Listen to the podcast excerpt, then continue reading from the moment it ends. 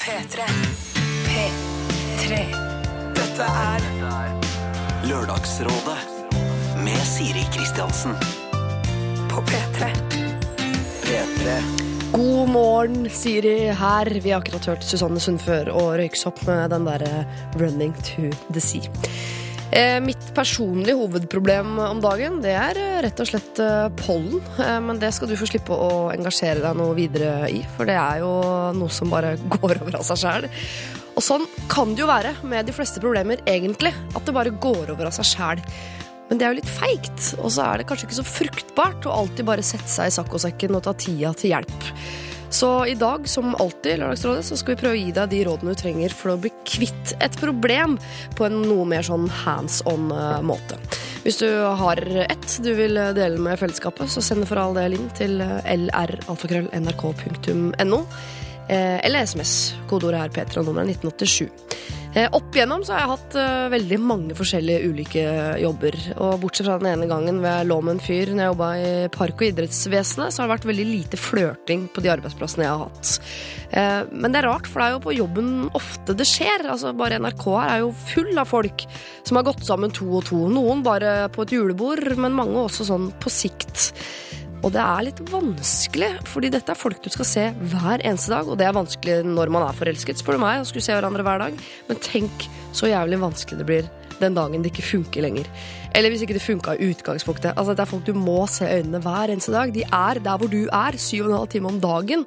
Det kan bli eh, mange vonde, kleine timer. Men skal man ta hensyn til det? Man må jo satse hvis man vil eh, vinne, også i kjærligheten.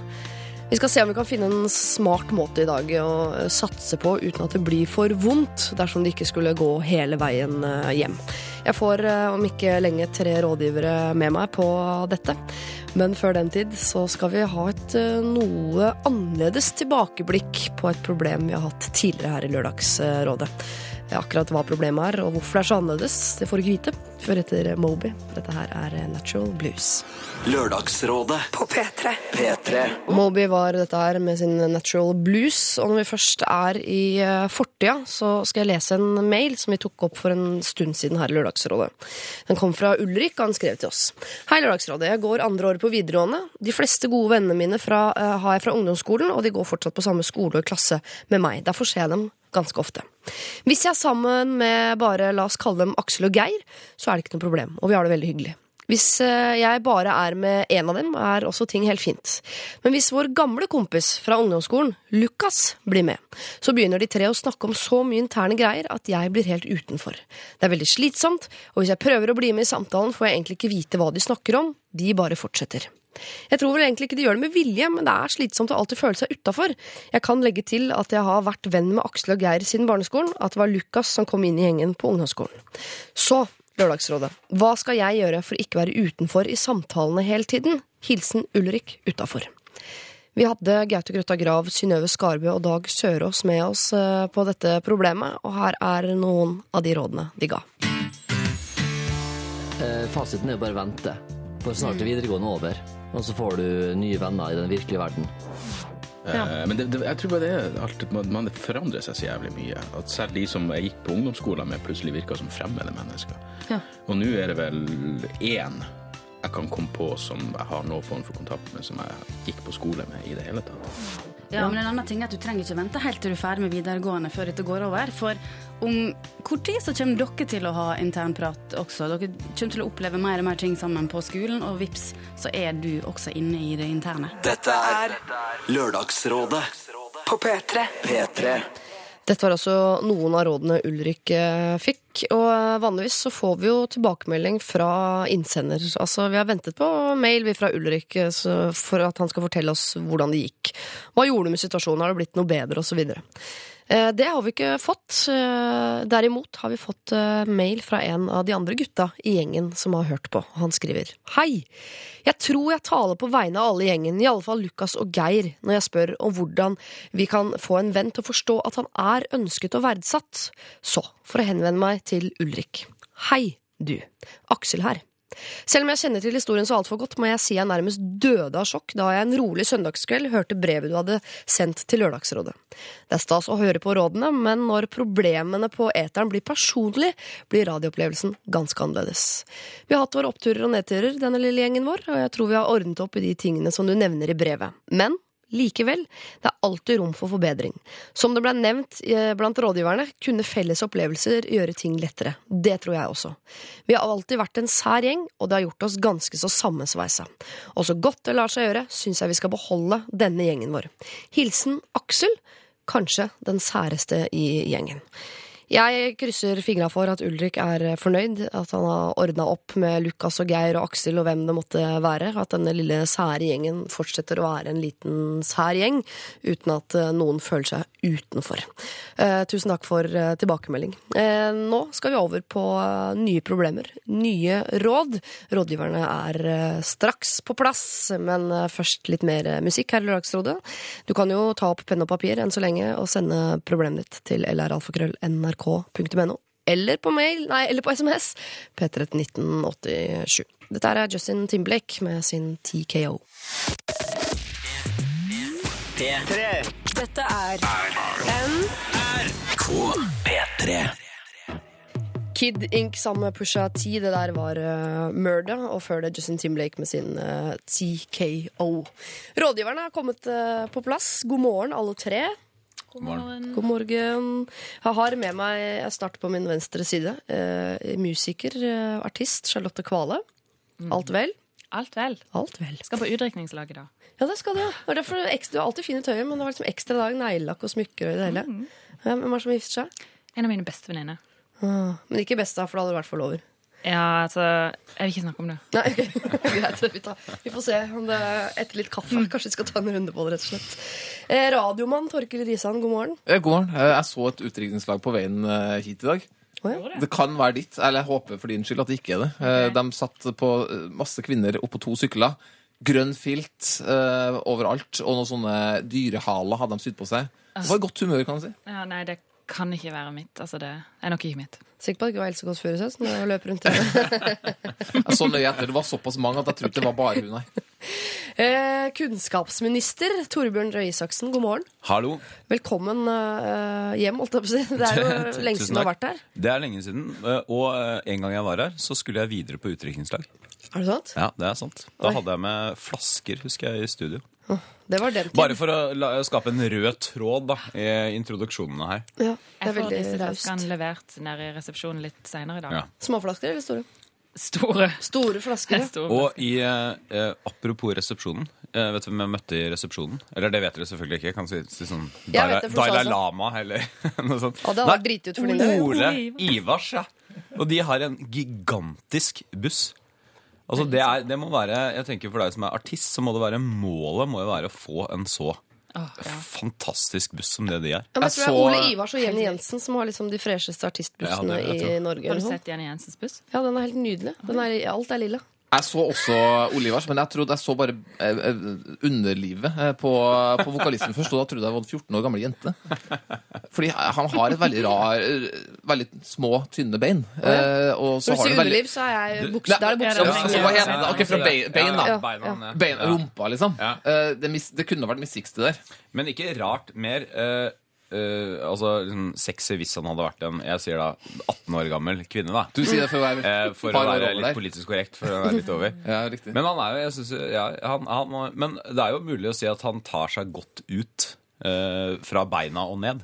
Ja, han Altså, er eller sånn, fra magen og ned. Jeg Han er han sånn tar seg tjukk godt som ut menn blir fra- tjukke. Ja, jeg syns han tar seg godt ut fra beina og opp. Altså, nei, eh, beltet og opp. Ja, altså han er ikke Men han er jo altså, Han har jo laget en Han kan jo ikke slanke seg for mye, for han, de har jo lagd en karriere på litt sånn Nei, så tjukk du er blitt, Ja. og sånn. Ja, nei, han, eh, han er jo blitt liksom en figur. Og den, det er jo som om plutselig man tar bort eh, nebbet til Donald. Det går ikke. Han må, han må se ut sånn som han ser ut herfra ut. Det er jo litt trist, da, hvis han faktisk hadde lyst til å begynne med yoga eller et eller annet. Han har veldig fint hår, i hvert fall. Ja, Ja. han har det. Men de sånn. er jo Jeg husker, for, jeg husker jeg så en anmeldelse av Ole Ivars. For, det, for jeg må innrømme, for meg så er det som danseband det, er, det høres jo ganske likt ut fra band til band.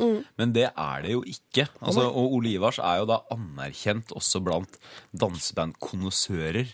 Som de, noen av de fremste i sin sjanger. Fordi de er bedre på tekst eller rytme? Jeg tror rett og slett bare liksom, som med all annen Humør. eh, musikk, da, at det er liksom Ja, men ikke sant, hva er det som utgjør At det er liksom Det er bedre sanger. Det er liksom litt mer fengende melodier, litt bedre tekster, sikkert litt bedre på gitar og, og saksofon. Ja. Yes. Men, men humør, som Torkil sier. Det har Hæ? selvfølgelig med humør å gjøre, som du Jeg tror også det. Eh, De er enda litt blidere. ja. Liker du dansebandmusikk, Slåtte, eller er det en fy-fy-sjanger i din bransje? Nei, det kan jeg godt like. Ja. Altså, ja. Profesjonelt eller personlig? Begge deler. Begge deler. Det er fint. Eh, vi må ta en runde på på eh, status. Eh, og jeg begynner med Torkil. Ja. Fordi du er så frelst alltid på denne statusen din. ja. Jeg elsker fortsatt å være gift. Eh, Det syns jeg er helt glimrende. Du får ikke meg til å endre mening på det. Nei, nei, det er ikke To barn, barn! Ja. eh, Det syns jeg er helt konge. Ja. Nettopp vært i Thailand. Det var et eventyr. Jeg ridd på elefanter. Ja. Elefant. Ja. Så har jeg mata ville apekatter banan.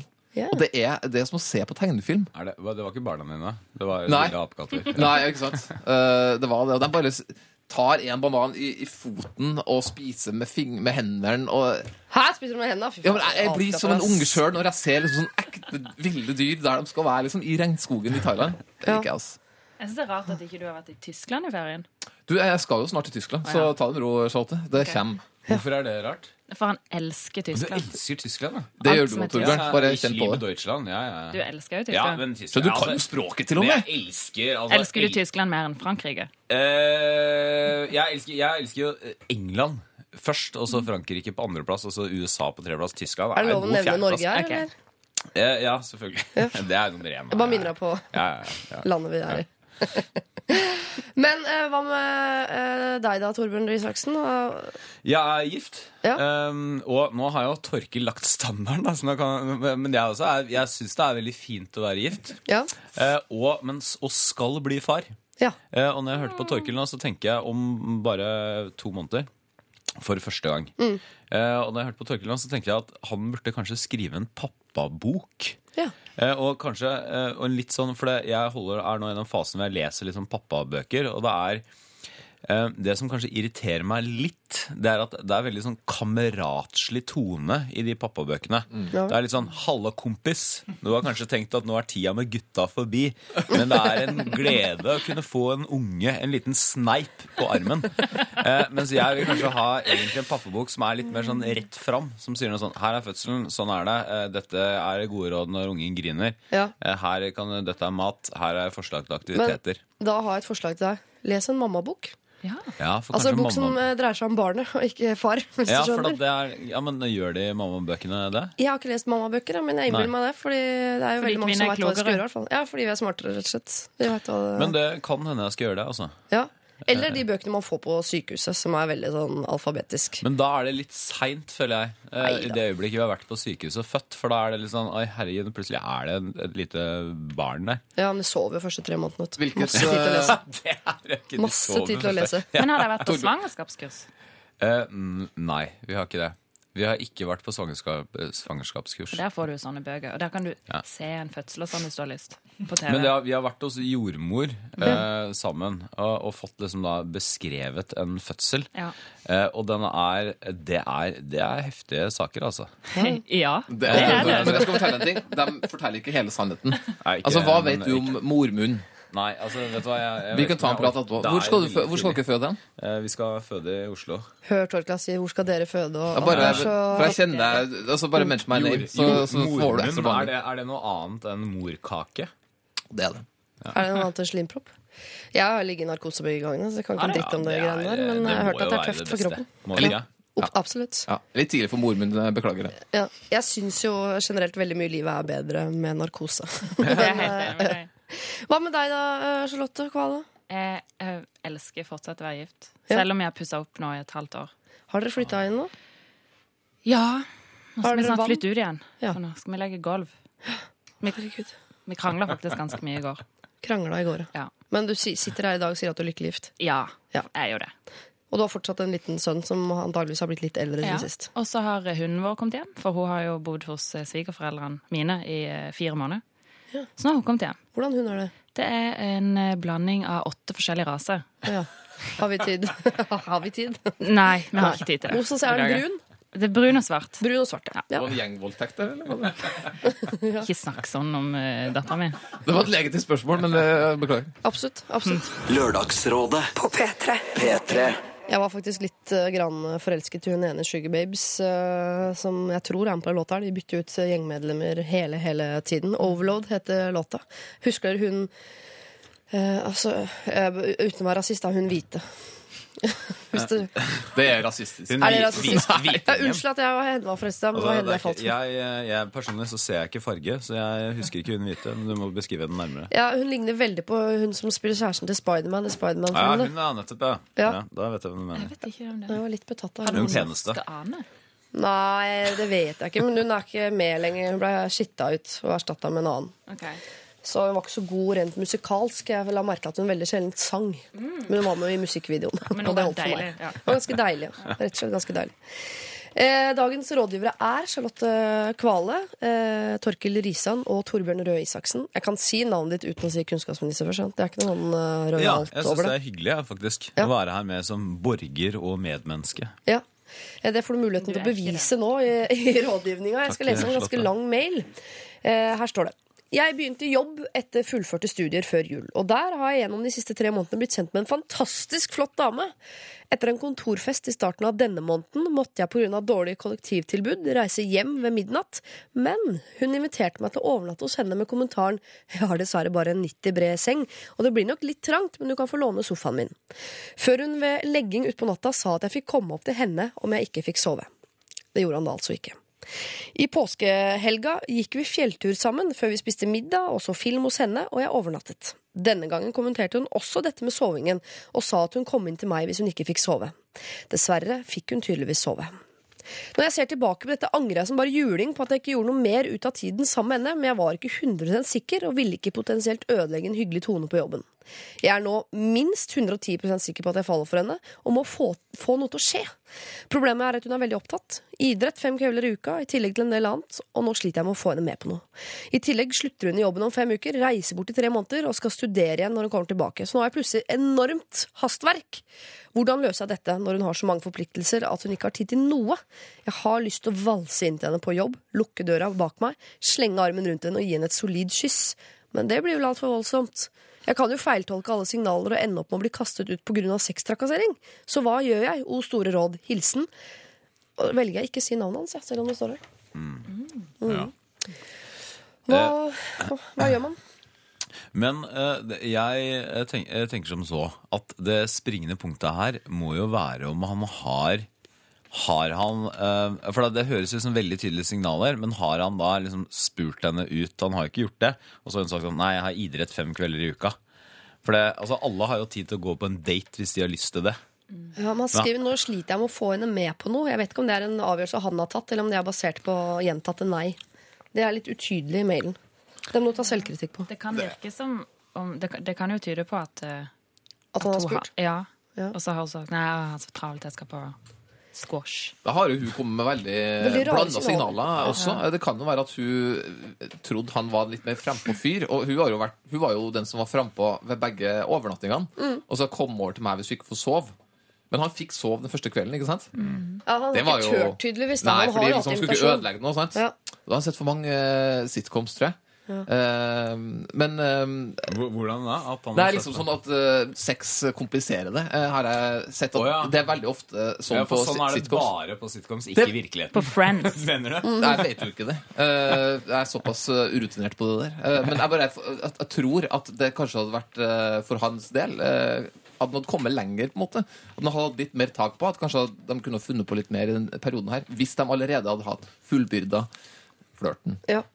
Jeg må spørre, jeg, Ikke fordi alle jenter nødvendigvis må tenke akkurat som deg og meg, Charlotte, men hvis, øh, hvis du hadde invitert med en mann hjem til deg to ganger og snakket om at senga di er bare 90 brei, man må gjerne overnatte og komme opp til henne hvis han ikke får sove, blei det blei.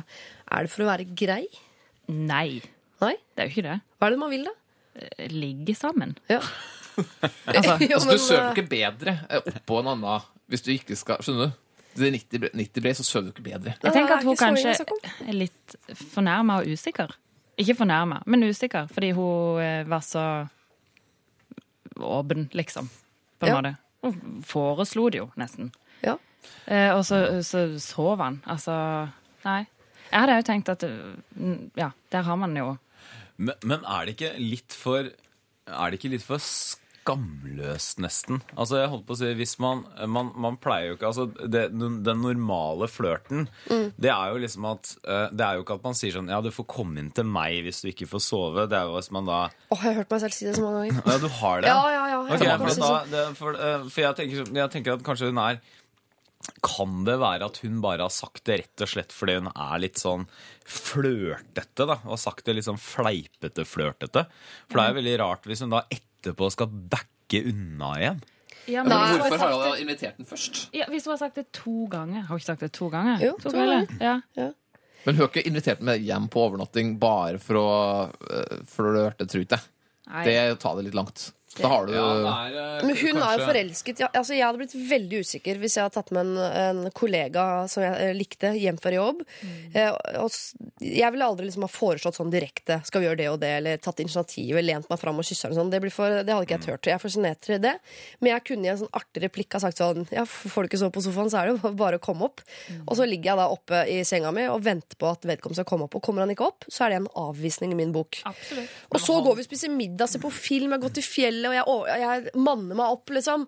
Og ber han nok en gang hjem til meg med den samme litt artige replikken at folk så over kom opp i senga mi. Sånn, da- igjen så blir han liggende på sofaen uten Ja. å komme opp i min seng. Da hadde jeg følt meg så avvist. Men da var det hun som fikk sove andre gangen. Så var det hun som sa Ja, for nå prøvde hun å snu på og si sånn, hvis ikke Ja. jeg får sove, så kommer jeg ned til deg på Ja, sofaen. men eller da, men- Hvorfor gjorde ikke hun det? Og det tyder jo på at hun kanskje har Altså Jeg bare tenker at det er litt sånn Altså Forutsetninga her er at han da har sagt etterpå sånn Du, skal ikke vi gå ut og Skal ikke vi gå på kino eller gå ut og ta en øl eller noe sånt? Og hun da har sagt Nei, vet du hva, jeg har squash, og så har jeg 500 meter, og så har jeg hekkeløp, øh, og så har jeg fotball, og så Men eh, eh, altså, den der andre gangen der hvor hun sier at hun, eh, hun kommer bort hvis eh, hun ikke får sove, den er den rareste her. Den, den, den må rett og slett hans svar da hun sa det. Jeg tror den er årsaken til at hun ikke kom. Så han sa bare sånn «Eh, Ja, det Da ikke jo litt trangt, eh, ja. altså, Jeg tror han har ødelagt det der, for jeg tror hun, hun tror jeg er glad i signaler. Uh, og jeg tror hun fikk feil signaler da hun la ut det forslaget. Her er det mye rare signaler generelt, da, men jeg syns hun har gått ganske langt i å si til han hva hun vil, og så har ikke, det er han som ikke har innfridd her. Så hun, jeg tror hun føler seg avvist. Ja, og den eneste måten å reparere det på er nok å være litt eh, direkte, tenker jo jeg. Yes. Ja. Og si sånn eh, Jeg kommer til å gå og Altså kanskje invitere henne hjem og si sånn Du kan jo sove på sofaen, men hvis du har lyst til å ha samleie, så ligger jeg i senga mi. Bare. Men han tar tatt det hakket videre. I, Ja, altså det er jo veldig utvetydig, da. ja. Men han, han, burde, han burde si til henne at han For dette, de har jo gjort sånne kjæresteaktige ting allerede. Ja. Fjell og, og alt dette her. Eh, så nå kan jo han si at Nå kan jo han si at han liker henne skikkelig godt, og at han dreit seg ut og sånn. Ja, Det ville jeg ha sagt. Ja, så syns jeg, for jeg tror eh, Hvis han har invitert henne nå ut på kino eller kafé, mm sånn, og hun sier nei, jeg kan ikke, så er det hun tenker sånn Han vil bare være kompis. Mm. Fordi nå har vi vært på, sånn, uh, vært på noe ting sammen to ganger, og jeg har invitert han til å ligge med meg, men han sier nei. Han vil være kompis. Eller så tror hun at han er homofil. Liksom. Ja. Eller så tenker hun det. Ja, det kan være. Men hun er jo, han, han, det er jo helt tydelig at han har likt hun hele tida, og er en redelig fyr. Han har jo ikke han er jo redd for å gjøre det gærlige her, da, fordi at han sannsynligvis har liker det veldig godt. Han har liksom ikke utnytta på noe som helst vis, og han har gått og tenkt på det i flere uker nå, og som, som vi tolker det, til og med invitert ham med ut på ting. Så han har jo ingenting å miste her. Han må jo bare, bare, bare drite i det, og så gjøre som han beskriver nesten, uten, uten den antastinga han, han hadde lyst på. Men her er, for det, det er jo alltid det enkleste rådet å gi. Det er jo også sånn bare gjør det. Ja. Eh, ikke sant? Men det grunnen til at Og de fleste vet vel det sånn innerst inne at det er det jeg må, eventuelt må gjøre. Jeg må bare gå og spørre. Men så er det jo så Det er jo det som er vanskelig. Så det kan hende at en praktisk Altså, de jobber samme sted. Kanskje han, kanskje han skulle sendt en mail. Altså ikke en sånn lang mail da med sånn Hei, husker du da vi var hjemme hos deg, bla, bla, men bare sendt en mail og spurt Hei, eh, navn. Eh, har du lyst til å være med ut og spise middag en dag? Og så forutsetter jo det altså Det som er litt vanskelig, er at det forutsetter jo da at han klarer å gjøre noe på den middagen. da Hvis ikke så blir det jo helt Eller poengløst. kanskje helst blir det bare, ja, eller ettermiddagen. Ja. Ja, men jeg, jeg tenker jo at enten så liker hun han, eller så liker hun han ikke. Det er jo ikke noen mellomting her. Eh, og hvis hun liker han Altså, jeg hadde syntes det var deilig hvis en jeg likte veldig godt, og som jeg trodde hadde avvist meg, kom inn på kontoret mitt og prøvde å kline med meg, liksom. Ja. For da Ja. Det kan jo ikke misforstås. Ikke Så jeg er enig med den mailgreia, for det, det kunne eksempel jeg gjerne gjort, for jeg er litt feig. Men eh, jeg hadde syntes det var deilig hvis jeg likte han da. Kan komme være- inn. og det verste som kanskje er at ikke hun liker han. Men jeg mener Jeg tror, hun tenker Hun høres ut som en flink pike. Eh, hun har mye gående for seg. Hun trener, hun eh, er glad i signaler og alt det der. Og hun skal nå ut og reise og, og tilbringe mye tid utenlands. Hun tenker jeg skal, jeg, det bare ødelegge for meg sjøl hvis jeg involverer meg i noen nå. Så kanskje var- hun allerede kommet dit at liksom sånn, jeg forfølger litt den her flørten. Jeg har vært interessert i den her. Det har ikke skjedd noen ting. Nå, nå er jeg så nære at jeg skal dra, at hvis jeg begynner å involvere meg nå, så kompliserer det hele turen min. Mm. Så, så det, eh, men, men jeg tror også, som Charlotte sier, hvis han bare går og prøver, eller sender en veldig bra uh, e-post, så kan det være at hun liksom sånn OK, kanskje jeg skal prøve lell. Eh, Men det som funker, da, har jeg jo lest på diverse nettaviser i det siste, er jo å få f.eks. for eksempel eh, Walter White for Breaking Bad til å spørre for seg. Eh, Ja. Få store kjendiser til å liksom sånn, ta direkte kontakt med denne dama for seg. Ja. Fordi folk stiller opp på det her, tydeligvis. Eh, Cristiano Ronaldo eh, sier jo ja til mye om dagen. Eh, Ta en telefon til han. kan jo prøve. Ja. Eh, Bjørn Eidsvåg. Bjørn Eidsvåg, for eksempel. Jon Arne Riise. Folk som trenger å han er jo alltid tilgjengelig. Til og sånn SMS, for eksempel. Men jeg tenker, det der å bare gå i- Altså, jeg skjønner det som Charlotte sier, at det hadde jo sikkert vært kjempe Hvis du bare kan gå inn på kontoret og så prøve å kline med noen, det hadde jo sikkert vært kjempefint, det. Men, poenget, det som, ikke sant? men da ser man for seg at det er som på film. Ja. At hun liksom skal se, se opp, reise seg, stille seg eh, godt til, sånn at det går an å gå bort og prøve å kysse henne. Men det er jo ikke sånn. ikke sant? Hun kommer til å sitte ved PC-en eller noe sånt. Og så hvordan skal du, skal du gå bort og lene deg bort Mm. Ned i hockey. over henne? I, det, altså, det blir bare klønete. Så du må liksom Ja, men Det kommer an på hva han sier når han kommer inn. liksom. Det kommer an på om han eh, er litt selvsikker og, og har en sånn utstråling som sier at han vil ha henne. Jo, det er jeg helt enig i. Jeg bare det? tror Ja. at bøygen er hele tiden uh, at sånn er jo ikke de aller fleste av oss. Det er jo derfor Men han dette er foreslår det jo selv. Det han er redd for, er å, å ende opp med å bli kasta ut pga. sextrakassering. Jeg tror bare, Hvis hun liker han, så er dette en drøm alle kvinner har. Og blir liksom ja. tatt med storm. At, en, at Hvis hun liker han, da. Mm. At han du liker, skal komme inn på kontoret ditt, låse døra og smelle deg i veggen. Og på en måte, ja, men Det men er Siri- en drøm alle jenter har. Mm. Og så er faren, hvis hun ikke liker han, så er det driti ut. Men da slutter jo om fem uker. Ja, ja, det blir ja, ikke ja. sextrakassering. Så du, da beklager jeg. Da har jeg oppfatta signalene dine. Beklager at jeg Unnskyld, unnskyld, unnskyld, unnskyld, unnskyld, unnskyld, unnskyld. Ja. Politiet blir involvert. Vi snakker jo ikke om å bruke tvang her. Det er Nei, men du skjønner hva jeg mener. En sånn vet Hva hadde du sagt, Siri, hvis at du var ugift da, og hadde Ja. en flørt med en fyr, så hadde du et eget kontor? eh, Det kommer inn en fyr bare 'Siri, skal vi elske?' Ja. Hva hadde du gjort da? Jeg har sagt 'møt meg i kabeletasjen om fem'. Har jeg sagt. Nettopp. Kabeletasjen på NRK. ja.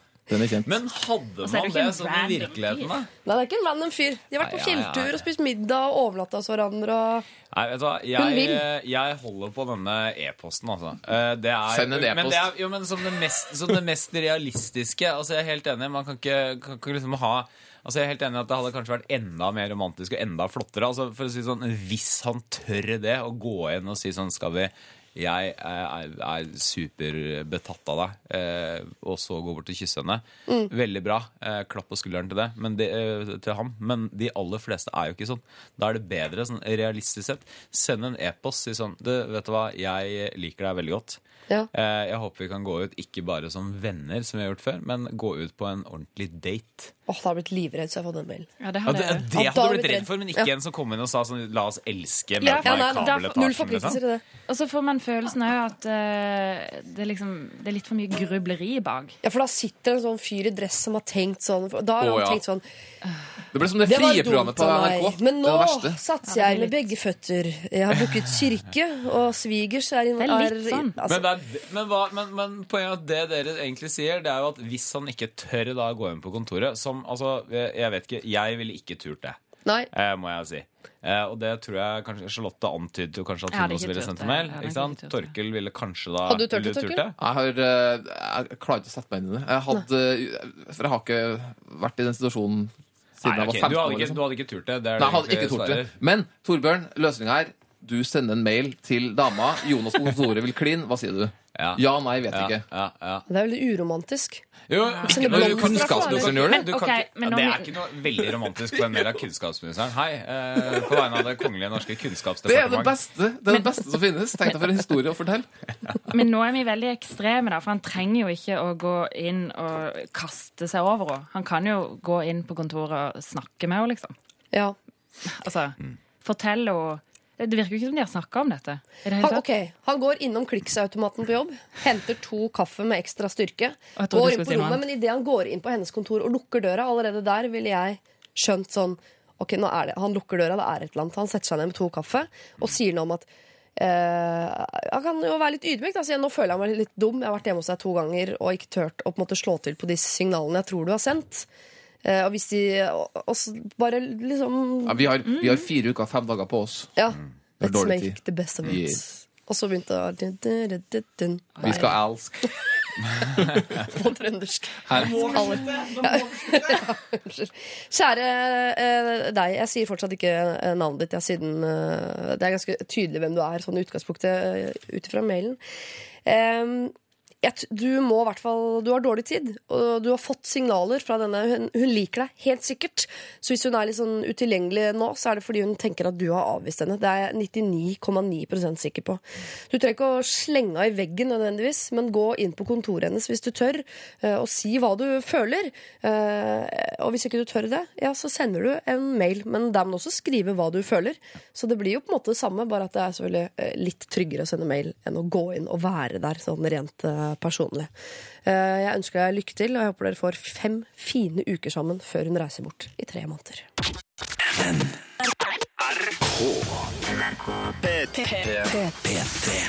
P3.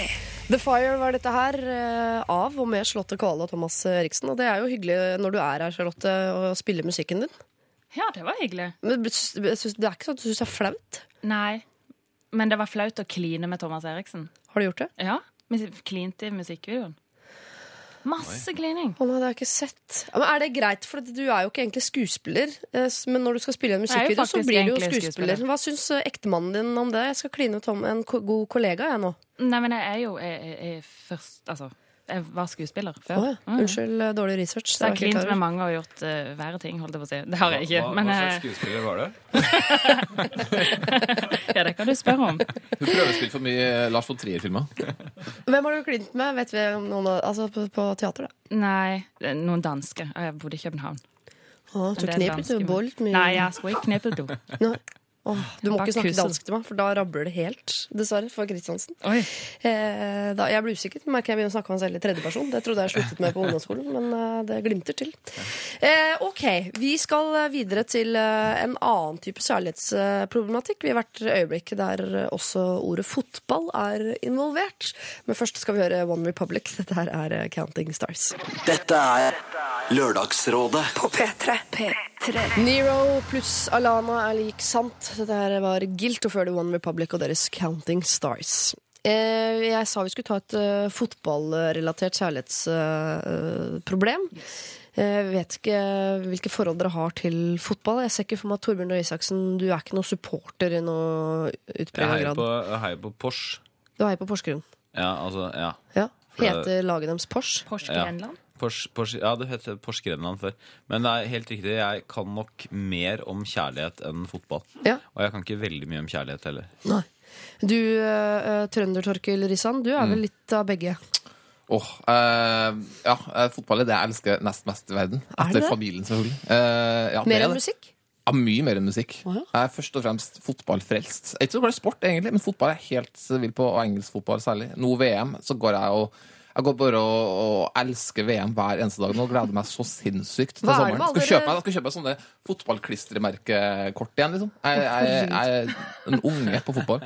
Det er rart for alle dere sånn radiogutta som har jobba i, Trondheim tidligere, oppe på Tyholt. Dere Alle har en dere. sånn ekstrem interesse for sport. Så rart. Ja, ok, ja. ja. jeg setter Fotball er ganske populær sport, altså. ja, Sjekk jeg, har ut. Hørt det rykter om det. Og du Charlotte, er du noe, ser du fotball? Ja, eh, Kjetil, mannen min, han eh, spilte fotball før.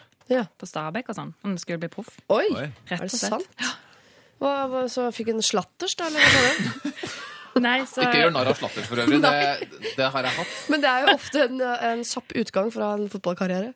Vi flytta til København og begynte å drikke mye øl og sånn. Ja. Så det var ikke helt forenlig med livsstilen vår. Og så begynte du å være skuespillerinne, kline med andre. Ja, Ja. Han begynte å drikke mer for å glemme.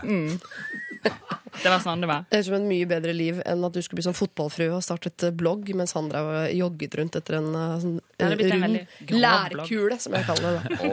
oi, oi. Der fikk fotball, altså. Ok, Vi skal over til Pompel og Pilt her som skriver Hei, vi er to venninner som har prøvd veldig hardt, men vi skjønner bare ikke hvordan noen, spesielt gutter, kan la seg styre av interessen for fotball. Da tenker vi på hvordan f.eks. en kamp med yndlingslaget kan gå foran alt annet av sosiale hendelser. Og da mener vi det å se en kamp på TV, ikke å spille selv, for det kunne jeg forstått. Vi lurer på når man som kjæreste til en fotballfan kan si at man må prioritere forholdet fremfor fotball. For eksempel, er det greit å prioritere fotball foran bryllup? Håper dere tar opp dette. Hilsen Pompel og Pilt. Oi. Ok. Du syns det er greit, tenker jeg. Eh, nei, akkurat med bryllup eh, Som jeg sa, familie først, og så mm. fotball. Eh, det, er, det går an å tenke bitte litt. Eh, du, du skal ikke sette ditt eget bryllup på vent for å se en fotballkamp. Det, er- det er en litt sånn ABC i livet. Men Kan du er kombinere det, da? Ja, unnskyld, Charlotte. Nei, unnskyld. Ja, nei, ok, da sier jeg det. For det er vel ikke hans e eller deres eget bryllup det er snakk om. Det er jo sikkert et annet bryllup. Jo, gjør det saken Ja, det gjør den jo Ja, bedre, ja, men det gjør altså, det den bra. det betyr bare at ikke sant, det kan jo hende at eh, de prioriterer familie, sin egen familie først, og så fotball, og så liksom andre folks bryllup.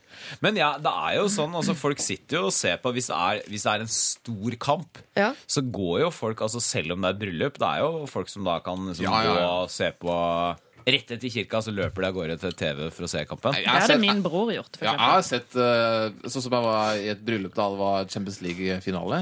Den fikk jeg sett mye av. Og det, det, er, det mener jeg Det står jeg for. Det får være greit. Uh, men, men jeg tror det var snakk om å prioritere bort noen ting Ja. for å liksom sånn Nei, den kvelden kan ikke jeg, Fordi da er det kamp. Ja. Det, Er det, hva, må, altså, hva er det lov å prioritere bort fordi man skal bli hjemme for å se en kamp på TV?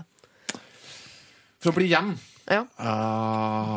Men er ikke det er ikke det, det man ønsker, da? Altså, det er ikke noe, da- da prioriterer du bort noe som er utenfor huset. Så da er det jo ikke, du prioriterer ikke bort liksom kjæresten din, det er bare at du ser fotballkamp. Altså, de eh, La oss være ærlige. De fleste kvelder hjemme sammen med kjæreste, samboer, ektefelle mm. tilbringes jo ikke i livlig samtale om livets dype spørsmål. Det tilbringes jo ofte med å se noe på fjernsyn, f.eks., eller lese Jo, men- en bok. La oss si Sånn at er jeg ikke mente at det aller, aller viktigste for meg Jeg var, var med i supporterklubben til Dawson's Creek. Øy! Altså, jeg sånn. hadde- Jeg. Å, fantastisk. altså, jeg, ikke, altså, jeg likte det, men eh, jeg overdriver nå. La oss si jeg hadde skjerf, og Ja. Jeg var helt gæren etter Dawson's Creek. Elsker du noen av de guttene? Ja, Vi kalte det Pacey's Creek hjemme hos Ja, meg. Ja. er- det er veldig usympatisk å Pacey. like Pacey best. Ja.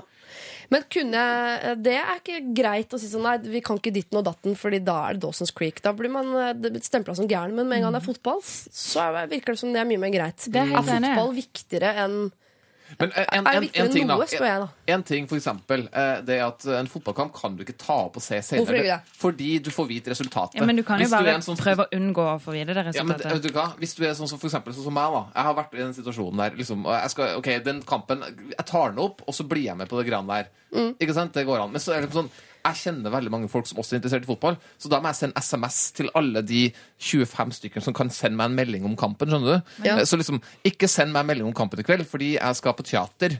Eh, Det funker ikke. Eh, så, så da, da vil jeg uansett, jeg vil uansett få vite resultatet på et eller annet, et Så en eller annet kamp vis. er bare spennende pga. resultatet. Det er, du liker Ja. ikke kunsten i sporten.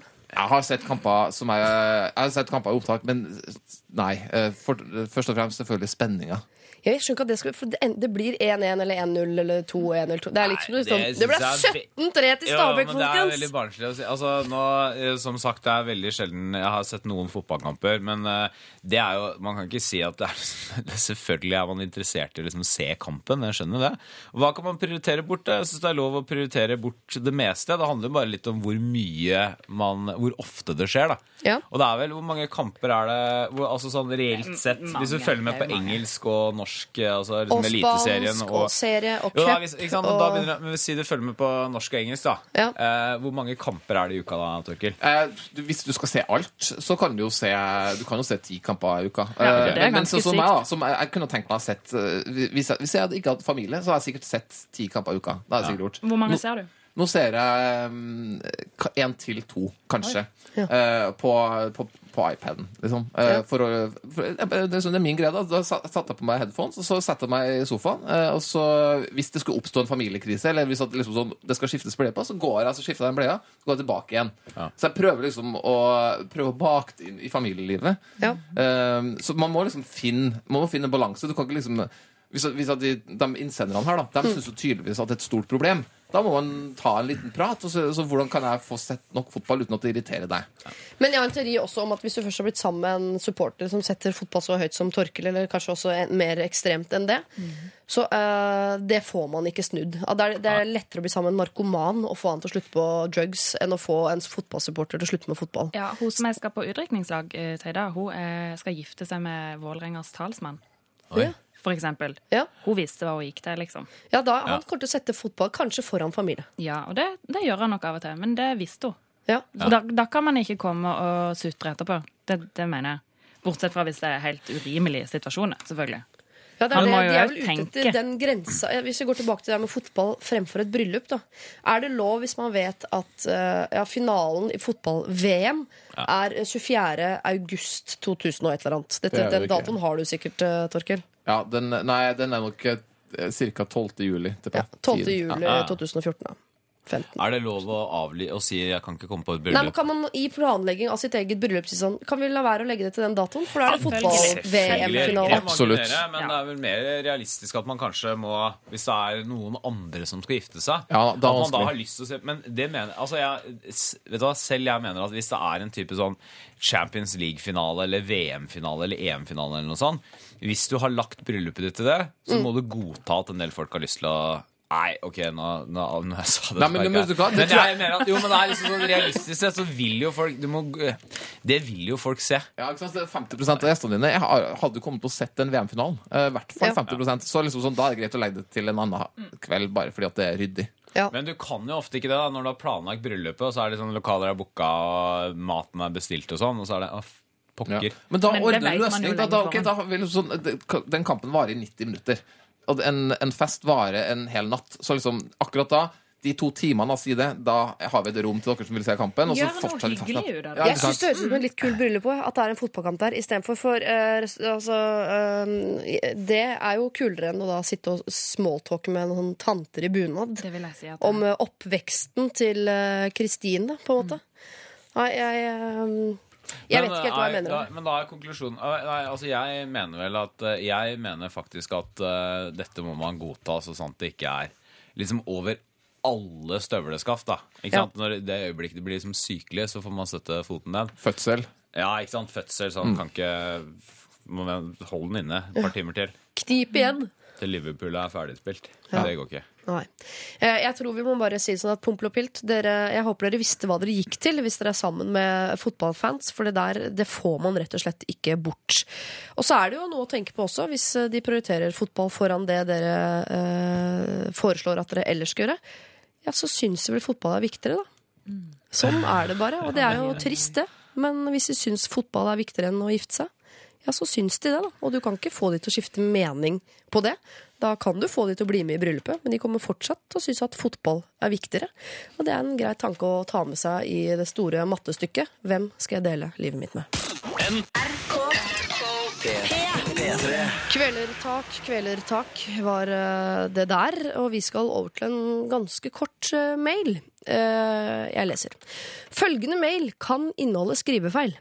Grunnen og deler av problemet er at jeg er dyslektiker. Her kommer problemet. På min skole i Oslo gir skolesystemet, dvs. Si lærerne, rektor og andre voksne, blaffen i dette problemet. Det er ikke første gang dette skjer, og også barna på skolen vet dette er en faktor. Men nå, første året på ungdomsskolen, som karakterer spiller en stor rolle, blir dette et stort problem. Altså når min lærer setter meg ned to karakterer på grunn av skrivefeil som blant annet B istedenfor D, og andre feil som dobbeltkonsonanter. Jeg blir uh, irritert, og foreldrene mine blir irritert på skolen, og dette har vi klaget på flere ganger. Men fortsatt ingen endring. Og ettersom jeg, uh, at dette kan gå utover min videre utdanning, vil jeg ha hjelp. Please hjelp meg med råd på hva jeg kan gjøre med dette. På forhånd takk. Med vennlig hilsen fortvilet dyslektiker. Dyslektiker er stavet feil. Det må være lov å nevne. Eh, du skal få lov til å tenke litt, eh, Torbjørn, Ja, for her kan takk, du fort takk. plumpe uti. Har ikke rådgiveren din her, eh, Torbjørn? Det kan bli gøy. Send en mail til rådgiveren.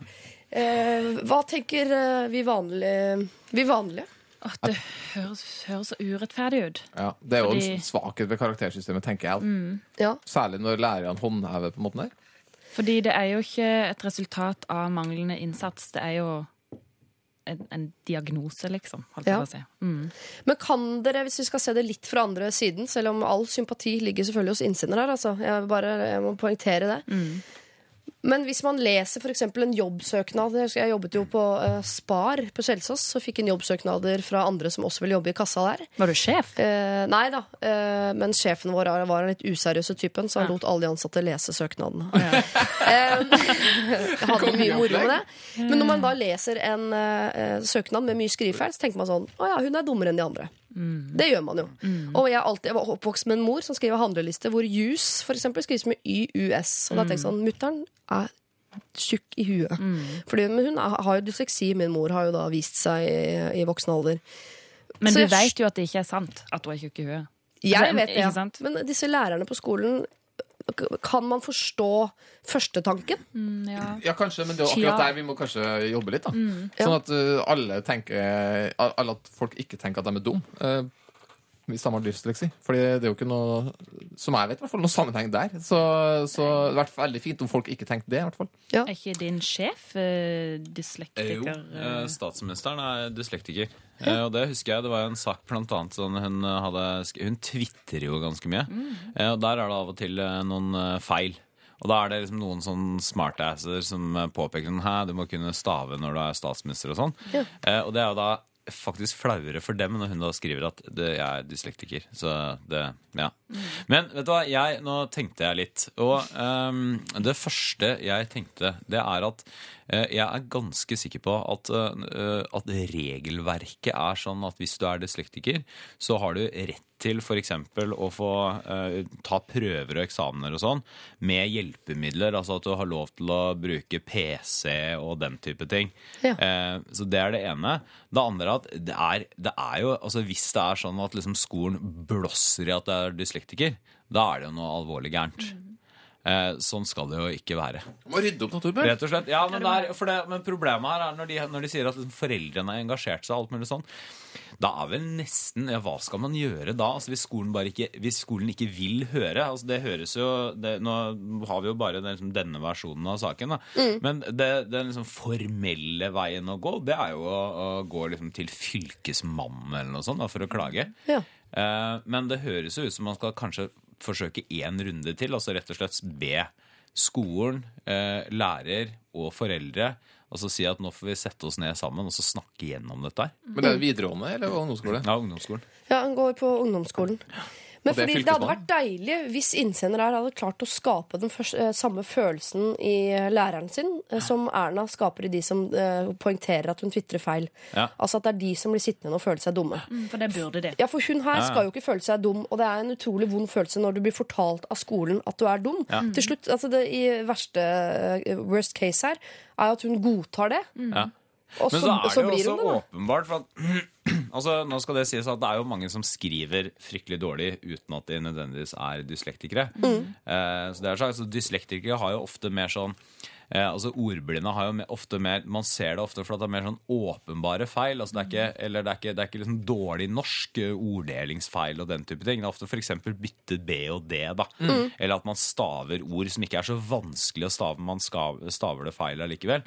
Eh, så dysleksi er jo det, Ja. For øvrig, så bare, hvis man skriver en søknad og er dyslektiker, så mener jeg man burde skrive på 'jeg er dyslektiker'. Ja. Eh, for at det er en liksom, ærlig sak. Og det er veldig bra, sånn som i denne e-posten nå. Hvis det hadde vært om noe annet, at man bare skriver sånn 'jeg er dyslektisk', derfor kan det være noe Men kanskje Ha folk ikke eh, humor. Vet, ja, men kanskje ikke folk vet nok om det. Jeg merker at jeg vet ikke nok om det, anten at man vet at det ikke har noe med intelligens å gjøre. ikke sant? Mm. Eh, Men det høres ut som en holdningsgreie, og at de absolutt ikke har kommet langt nok der hun går på skolen. Det er jo deres oppgave å vite nok om sånne ting. Ja.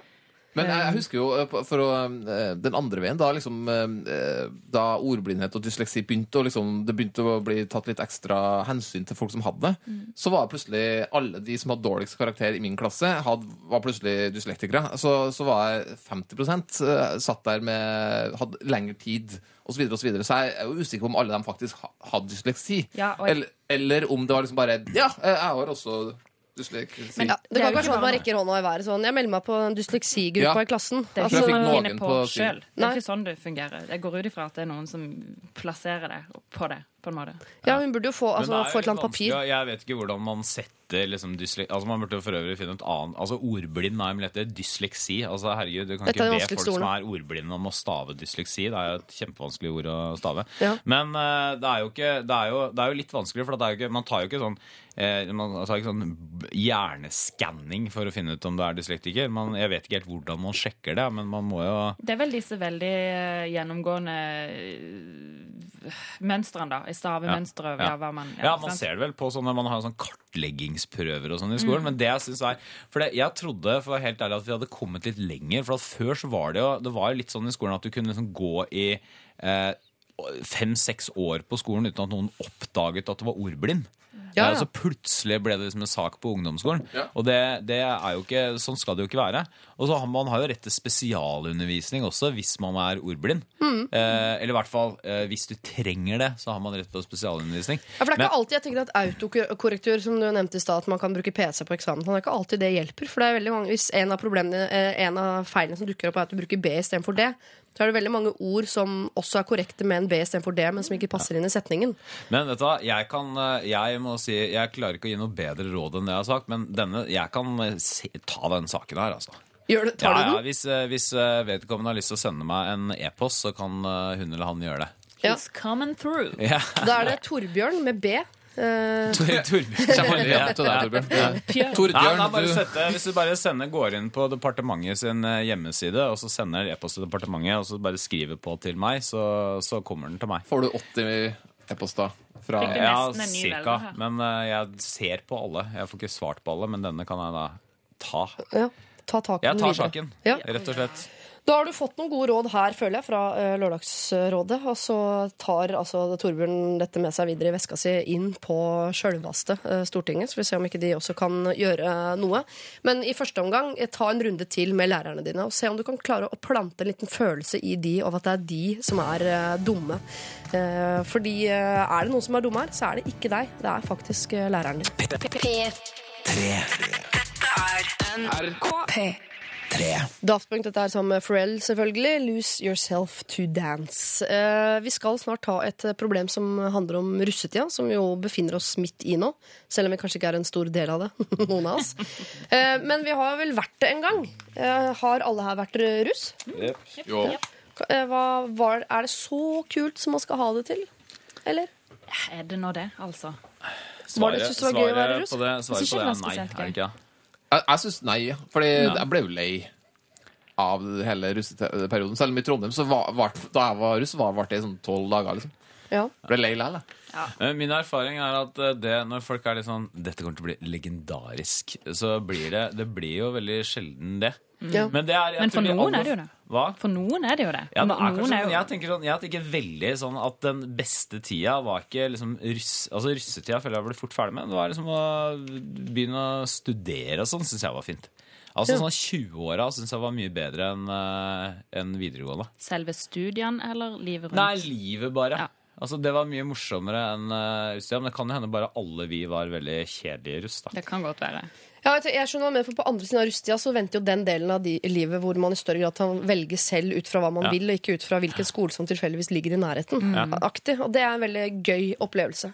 Men selve russetida tror jeg er veldig sånn antiklimaks for mange. Men så har du jo de man leser om som har brukt sånn mange millioner kroner på buss, og som har gledet seg siden barneskolen. Og det er klart at jeg, jeg husker fra Tryvann at det var noen der oppe som hadde det helt sånn vilt kult. Den bussen som hadde lånt lydanlegget til eh, Roskildefestivalen osv. Altså sånn, Ja, det, men det, det må jo være derfor folk gjør det. For at de har hørt om at det var helt vilt kult med de som hadde bussen eh, med DJ Broiler som hadde laga sang. ja. Jeg vet ikke, men det er jo rart at vi her sitter fire stykker som alle syns at Rustia var en litt sånn skuffelse. Men hva var det? Noe var vel gøy? Altså, jeg husker ikke Ja, Moro å sette seg inn i fag, leste eksamen, syns jeg. Det synes jeg er hyggelig. Jeg tror ikke du representerer Altså, det var jo, det var jo, man, hadde jo, man hadde jo egentlig fri til å liksom bare henge med kompisene dine eh, en, over en lengre periode.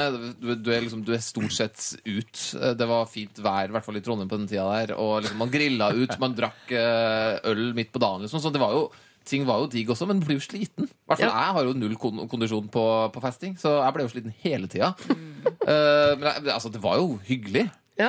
Men det er jo litt sånn eh, også at russetida er jo Altså Det er vel ikke meninga Vi sitter jo her og er alle sammen over 30, og det er jo ikke meninga heller at vi skal på en måte forstå russetida. Altså, det, er, det, er litt sånn, det er en del av det å bli voksen. Det er at man tenker vet du russetida, den er jeg ferdig med. Men vi er det er forsto det jo ikke da er engang. Hva sa du? Vi forsto det jo ikke da engang. Nei, det er kanskje problemet. Ja, det er jo Men det. du har jo eh, kanskje i hvert fall mye innflytelse til å få satt eksamen før russetida nå, har ikke du? Jo, det er Det er jeg tilhenger av.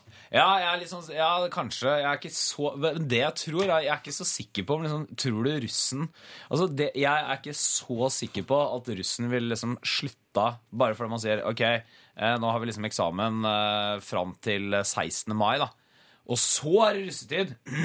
Jeg tror ikke de vil liksom avlyse alle russekroer og treff i Stavanger og alt mulig sånn bare fordi det setter Hvis du setter press på russestyret om at det er de som arrangerer og setter datoene, at det må bli lagt til etter Ja, men De opererer jo helt på egen hånd. ikke sant? Det er jo ikke noe sånn, De er jo ikke statlige etater, disse Er det den må bli? Den må.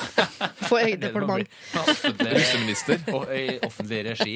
Russedepartementet. Jeg syns det var veldig gøy i russetida, eh, tiden før selve Altså det der hvor vi malte bil og skulle bestemme hva bilen skulle hete, og vi sto utafor hos foreldra til Linn. eh, Mora lagde piroger mens vi Hva sydde trekk hva het, til eh, ikke bilen? Hva er bilen? Den het Fellesmeieriet. Oi. Ja, det var litt artig, da. Ja. Det var Eh, litt- Det var ja. ganske gøy, syns vi. Og så var vi da sponset av Oslo Piercing Studio. Ai, ai, ai. Så vi så jo ut deretter. Men eh, ja, det syns jeg er veldig gøy. Og å være russ på skolen. Gå rundt i sånn rød drakt på skolen. For da man følte seg så konge. Det, det elska jeg. Men det Tryvann-greiene, ikke for meg. Ikke for meg, rett og slett. Jeg var ikke, jeg var ikke med på de greiene. Nei, vi skal eh, prøve å sette oss litt tilbake i tid og hjelpe noen som faktisk eh, er eh, russ. Og jeg hører allerede nå at det er lagt litt føringer for hvilke råd som kommer til å komme, men jeg tror det er i favør av innsenderen. innsender. Altså. P3 Lørdagsrådet. på P3. First Aid Kit har blitt rost opp i skyene nå i de fire minuttene de har sunget sin Emmy Lou. Det viser seg at uh, Torbjørn Røe Isaksen og du, Torkel Risan, og Charlotte Kvale elsker denne låta. Altså elsker dette søskenparet. Sjangeren. Jeg synes det er en sterk låt. God prestasjon. Sunget sunge fint også. Ja, De kommer jo med album snart også. Kunne de kommer du ny opplyse plate, om? ja. Ja. Det blir fint, da. Eh, vi skal eh, til noe mer rølpete enn eh, det. Vi skal altså ta eh, og gå inn i russetida et lite øyeblikk. Eh, det er en jente som skriver til oss. Eh, Kjære Lørdagsrådet. Jeg er russ i år. Hipp hurra! Jeg er ikke på noen buss eller van, eh, og jeg har kjøpt den billigste pakka det går an. Skikkelig lavbudsjett. Jeg syns mange legger altfor mye tid og penger ned i russefeiring. Det gidder ikke jeg å bruke mine penger på. Mine nærmeste venner er heller ikke på noen buss eller van, men de er litt mer gira på russetida enn det jeg er. Jeg har aldri drukket før, sånn ordentlig. Jeg har stukket tunga oppi glasset til mamma og pappa og skåret grimaser over hvor fælt det smaker. Jeg har egentlig aldri hatt lyst til å drikke. Jeg liker ikke at folk eh, endrer seg når de drikker, men jeg er ikke noe mot at andre drikker heller. De får gjøre som de selv vil. Jeg er vel eh, kanskje litt redd for å drikke. Jeg har vel egentlig aldri vært på en ordentlig fest før heller, og mye av grunnen til det er nok at jeg ikke oppsøker det, at jeg ikke har hatt spesielt lyst. Jeg står ved mitt, og jeg har ikke lyst til å drikke selv i russetiden. Kan dere gi meg noen råd på hva jeg skal svare hvis folk spør om hvorfor jeg ikke drikker? Jeg har ikke lappen ennå, så jeg kan ikke skylde på at jeg kjører, og jeg er heller ikke gravid. Eh, Det er bra. Det er også flere russeknuter som vennene mine har planer om å ta. Som å sitte i rundkjøring med et skilt der det står 'en tut, en skål', leke radarkontroll i 50-sonen og kjøre ti ganger rundt i rundkjøring. Dette er jo ulovlig. Skal jeg droppe å bli med bare fordi det bryter med norsk lov, eller skal jeg bli med for ikke virke som en skikkelig partypuper? Hilsen edruruss. PS. Mange skryter nå av Rustia eh, var et minne for livet eh, og sier hei og hopp, og det var skikkelig kult. Men er det så fantastisk som folk sier? Hva er deres erfaring? Altså Det har vi jo vært gjennom, våre erfaringer med Rustia, og den er jo at ingen av oss tenker at det var den beste tida eh, i livet. Eh, med det som grunnlag, hva skal vi råde denne unge jenta til å si til folk? Det er jo litt vanskelig, for det er jo det er jo ikke noe tvil om at for de aller fleste russ så er jo, eh, la oss bare kalle det fyll, eh, en del av russetida. Eh, og det er jo litt sånn og det er jo ikke noe, det er jo, altså, Folk endrer seg jo når de drikker. Ja. Uh, og det å være, det å være liksom den som ikke drikker det er jo Én ting er at det kan være vanskelig, men det, kan jo, det er kanskje ikke noe gøy heller. Rett og slett for at det er umulig å ha noen fornuftige samtaler med folk. Så jeg, uh, Min første tanke var at kanskje man må oppsøke noen da er jo, Kanskje hun ikke er kristen, da, men man kanskje må oppsøke noen som, noen som er russ uten å drikke så mye. da. Det er jo, Ja. Det, altså, jeg- det er jo Jeg har veldig sympati med henne. Fordi jeg kjenner meg litt igjen fra jeg liksom, kanskje var sånn 15, og folk rundt meg drev og festa, og jeg ikke gjorde det. Eh, og synes det, sånn, det var så synd, fordi liksom, jeg følte meg altså, Alle andre begynte å drikke, eh, og jeg var ikke en del. Syntes det var litt sånn skummelt, hele greia. Eh, og så, jeg hadde jo ikke lyst til å oppsøke andre jeg ikke kjente. Jeg hadde lyst til å henge med dem jeg alltid har hengt med. Eh, og, og det skulle være ukomplisert. Og det er jo litt der hun er nå, da. Jeg ser for meg at det er litt vanskelig for hun å begynne å henge med kristenrussen plutselig. Ja. Eh, så, så det, det, jeg, synes, jeg har veldig sympati med henne. Jeg leter etter noen gode råd jeg kan gi henne. Kanskje Um, kanskje bare, selvfølgelig det er så enkelt å si Vær ærlig, si at du er litt redd for det Si at du har veldig lite lyst til å drikke Du har aldri drukket før Vær ærlig, det tror jeg er- kanskje er det beste Men kanskje ikke det letteste å gjøre Nei, men jeg er helt enig. Altså, det, det har jo knapt begynt, høres det ut som. Uh, så, og det kommer bare til å bli verre, da, for hennes del. Ja. Eh, og hun, men hun trenger jo ikke å late som hun syns det er fett. Jeg tror ikke bra folk vil synes at hun er døv, selv om hun velger å ikke drikke. Det eneste som er kjipt, er jo at det er kjedelig for henne, siden, som du sier, alle de andre er fulle. Ja. Det er det som er greia, for det er ikke sikkert at, det er ikke sikkert at altså, Hun blir jo ikke nødvendigvis kjedeligere av å ikke drikke. Nei. Det kan hende hun er sprudlende og morsom, og sånn, men det er jo, eh, tror jeg Jeg har jo for eksempel en gravid kone, og vet jo sånn altså selv bare Hun er ganske bare- kjedelig for tida, eller? Nei, nei, ikke sånn, men, selv, men hun syns jo det Det er er nydelig om dagen ute ja, men, hun, men selv det å bare ikke sant, Selv bare i et, eh, liksom en middag hvor noen eh, tar et par øl eller tar et gla- glass vin, så endrer jo stemningen seg litt. Det er Mm. litt kjedelig da å ikke kunne gjøre det. Rett og slett for folk endrer seg. Ikke sant? Ja, Folk snakker på en annen med... måte. Og mye av den der flatfylla i russetida er jo veldig vanskelig å håndtere. da. Ja. Men kanskje skal eh, Hun har jo ikke lappen heller, men kanskje hun må rett og slett for da er det veldig mye moro altså fram til, liksom, fram til kvelden kommer. Ja. Eh, og en stykke ut på kvelden så er det jo fullt mulig å være med. Så det kan hende hun bare skal finne seg en eller annen rolle. da. Altså at hun skal være, Kanskje hun må være liksom etter klokka tolv. Kanskje hun må være den som passer litt på. Eller, Hun har ikke lappen. Nei, hun har ikke lappen. Men det er jo så kjedelig å liksom være den er, sånn jeg ser for meg hele, at hele dag, eller kvelden blir at hun føler seg litt utafor uansett. Fordi at eh, vi- vi- hvis, liksom, hvis jeg husker rett, så er det liksom mye snakk om sånn ja, nå snart, snart skal vi begynne å fyre på noen eh, pilsnerbrygg. Og så er det liksom sånn, og så, skjønner du? Og så, så sitter hun der liksom bare Ja, jeg gruer meg litt til det. Ja. Jeg tror eh, hun må liksom eh, hun Det er jo ikke noe tvil om at alkoholen er en stor del av det med russetida. så det er- Men hun skal ikke føle at hun må forsvare seg. Eller jeg tenker, Nei, hvis, jeg det. hvis jeg hadde spurt henne, kunne jeg sikkert fort ha funnet på øret sånn Hvorfor drikker du ikke? Hvis jeg hadde møtt en på Tryvann som ikke drakk. Eh, Så tror jeg, Hvis hun skal begynne å gå i forsvarstale sånn Nei, jeg syns det er litt skummelt, og sånn, da har jeg tenkt sånn OK, Snorkorama, ikke. jeg orker ikke å høre livshistorien din om akkurat det der.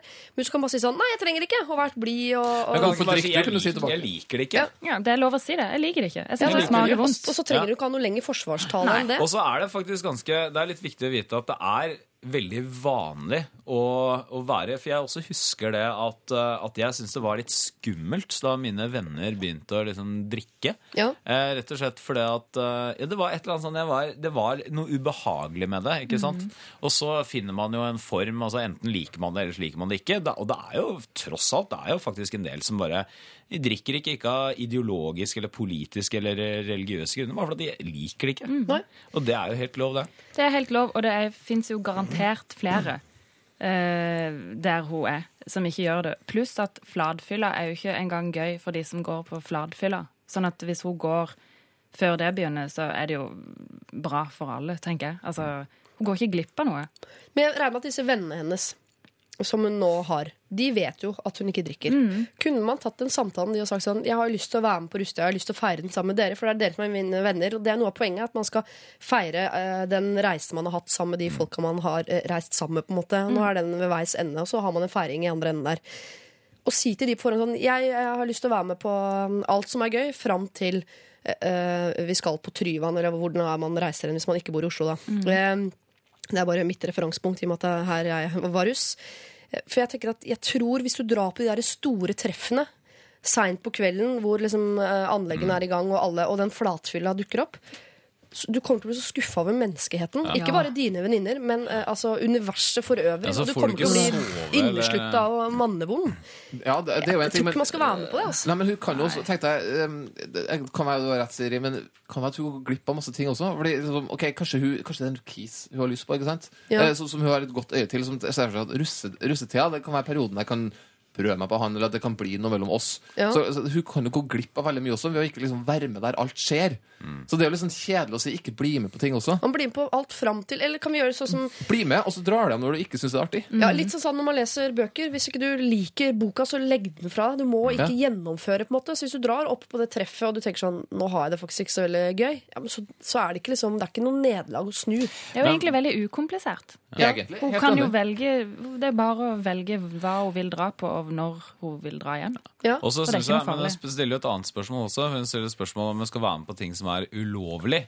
Jeg sier ja Eh, på det. Da, ja, men da, og da synes jeg sånn Altså, det jeg syns er helt drøyt, det er sånn de som tar eh, ungdomsskoleelever og teiper de fast og kaster egg på det og sånn. Men det er Altså, ikke noe gøy. Ikke sant? Det er, men det er ikke lov. Altså, det, mener, det blir folk dømt for. Eh, altså i rettssaler. Det mener jeg er helt riktig. Men det at du sitter i en rundkjøring, eller kjører ti ganger rundt en rundkjøring, Ja. det er kanskje teknisk sett ikke lov, men jeg er sikker på at, eh, at liksom, politiet rykker ikke ut for det. Altså. Det gøyeste i Eh, hele min russetid Ja, var så hvis du gjør litt sånne ting, Ja. det, det må være lov. Ja, Har alle kontroll i 50-sonen og tut og skål og rundt i Det mener jeg. Det må du bli med på, for det er jo det som er gøy. Vi- Jeg husker vi gikk med en reke i bånd nedover Karl Johan og lot som vi luftet hunder, og vi krabba gjennom eh, butikker og beit folk i leggene og var sånn idiotfolk i rusttida. Det var så gøy! Jeg ser på bilder av det ennå, jeg ler meg i hjel av det. Men slutt, altså det var kjempemorsomt, men den slutten av kvelden hvor alle bare ligger og eh, spyr på hverandre det, er ikke Der går du ikke glipp av noe nødvendigvis. Altså. Rådet blir i hvert fall altså, vær, vær med på det meste. Stikk når det ikke er gøy lenger. Og ikke, ikke prøv å skjule at du ikke drikker. Nei. Kanskje være ærlig på det, liksom, bare. Du kan ta en prat med vennene dine i forkant. Bli med på alt som er gøy, selv om det sånn eh, rent på papiret kanskje ikke alltid er eh, lov. Eh, det syns vi du skal. Eh, men en gang det ikke er gøy lenger, altså før du blir sur La oss si sånn, mm. Så lenge du har det gøy, så er du med. Men en gang det ikke er gøy lenger, eh, så drar du hjem. Og du trenger ikke å forsvare overfor noen at ikke du drikker. Så lenge du har det gøy, så har du det jo gøy. NRK. NRK P3 Ikona Pop All Night og før det Kaizers Orkestra med sin eh, hjerteknuser. Eh, Vi har fått inn noen SMS hit til Lørdagsrådet, for nå har vi jo gitt en del eh, råd nå helt siden klokken ni. Og bare for å si det først, det er en som sender inn SMS som er bare helt utrolig imponert over at selveste kunnskapsministeren finner tid til å være med på Lørdagsrådet. Eh, Og det er vi veldig glad for, men eh, samtidig så er det en her som sitter med mer kunnskap enn deg på, når det gjelder det å være dyslektiker i den norske skolen. Kan hjelpe oss litt, hun skriver angående jente som er dyslektiker. Hvis hun har fått en diagnose av profesjonelle, skal skolen gi henne tilpasset opplæring, og hun har rett til hjelpemidler. Det finnes spesielle hjelpemidler for dyslektikere. Eh, Da kan hun melde skolen for lovbrudd hvis ikke de gir henne den hjelpen hun trenger. Hvis hun derimot har lese- og skrivevansker uten noen spesiell diagnose, er det litt vanskeligere. Hun har allikevel rett til tilpasset opplæring. Alle elevene er beskyttet under opplæringsloven. Hilsen en lærer. Eh, Og så har vi også fått til eh, russ, som vi nå nettopp ga råd om, en som ikke ønsket å drikke i russetida, at hun kan skylde på kyssesyken. Som jo er en veldig vanlig sykdom å ha, har jeg fått inntrykk av, på, eh, når man går på videregående. Og da skal man jo ikke drikke alkohol, visstnok, når man har kyssesyken. Men jeg syns ikke hun skal skylde på noe som helst. Nei. Men det er jo noen ganger bare deilig Hvis man er litt Ja. konfliktslig, så er det deilig å bare ha noe å skylde på. Altså.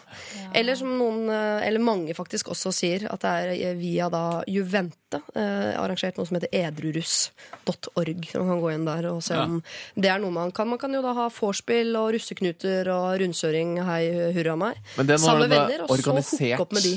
Når det, men det, når det er sånn øh, ja, jeg vet ikke, Når det er sånn organisert 'vi drikker ikke', eh, så kan det være at det blir Jeg tror ikke de gjør så stort nummer ut av det. Nei, Ja, men jeg da er er jo sammen ikke- sine Det er jo ikke sånn at de bare sitter i en sirkel og ikke drikker. Det er ikke det som er Ja, men hun vil jo være sammen med sine venner. være sammen og ikke drikke. Det er jo, de gjør jo mye annet ved siden av. Men jeg det er enig i det Torkel jo- sier. Altså, Jo, men da, Hun kan være sammen med sine venner først, men når de er over i en annen eh, eh, fase mentalt fordi de er så flatfylla, så er man uansett ikke sammen med dem. Da kan man være sammen med noen andre. For de er jo ikke mentalt til stede når de ligger og eh, spyr og raver oppå en eller annen eh, plass. et eller og annet sted. reive. Ja. Det- Så det er et helt sånn konkret eh, tips uh, som du kan ta til deg. Vi skal tilbake i kjærlighetsland. Her er det mye misunnelse, og det kan vel alle som har et menneskelig hjerte kjenne seg igjen i. Dette er Lørdagsrådet På P3. P3. Store P ville ikke vært i din eh, verden, er det vi hørte der. Som jo er en av mine favorittlåter, det må jeg få lov å si. Charlotte, du står og hopper. Hvorfor hopper du? Hørte de det jeg sa nå? Jeg hørte det ikke, og jeg er jo til stede i rommet. Hva var det du sa da? Hæ? Hva var det du Jeg sa? sa ingenting. Men, eh, jeg vet at dere snakket om silikonpupper, men var det noe Nei, altså, jeg kan ikke gjenta det. Beklager. Nei, Jeg kommer fra Sørlandet. det var for drøyt, rett og Det slett. var, det var altfor drøyt. Altså, det var ikke for drøyt for meg, men det var for drøyt for radioen. Ja, ok. Du Ja. kan ta jenta ut av Sørlandet, men ikke Sørlandet ut av jenta. Ok, jeg får, eh, jeg får lage mine egne teorier i mitt eget lille hode. Eh, samtidig så går jeg videre til dette problemet vi skulle ta, som er da eh, kjærlighet, men også misunnelse. Kjære LR. Håper dere kan hjelpe meg med mitt lille problem. Jeg er av den misunnelige typen. For to år siden ble jeg sammen med min nåværende kjæreste. Han er kjekk, snill og supersosial på alle måter. Jeg ville ikke bytta den ut med noen, og håper det kan bli oss for alltid. Han har mange venninner og flere tidligere ekser. Jeg har ingen. Eh, Altså ekser. Han prater med alle, er proppfull av selvtillit, mens jeg er den stille typen. Han er altså meget vellykket og svært bereist. Jeg har knapt vært utenfor Europa. Dette i seg selv er grobunn for misunnelse hos meg. Treffer gamle eller nye venner er det alltid han som blir sentrum av samtalen. Både pga. hans vinnende vesen, men også i stor grad fordi han har et så utrolig spennende liv, og det virker som om en utrolig spennende person. Noe han jo i sannheten også er. Saken er om noen måneder skal han ta et friår fra studiet, og sammen med sin bror reise rundt store deler av verden. En utrolig fantastisk spennende tur som de snakker mye om og gleder seg til.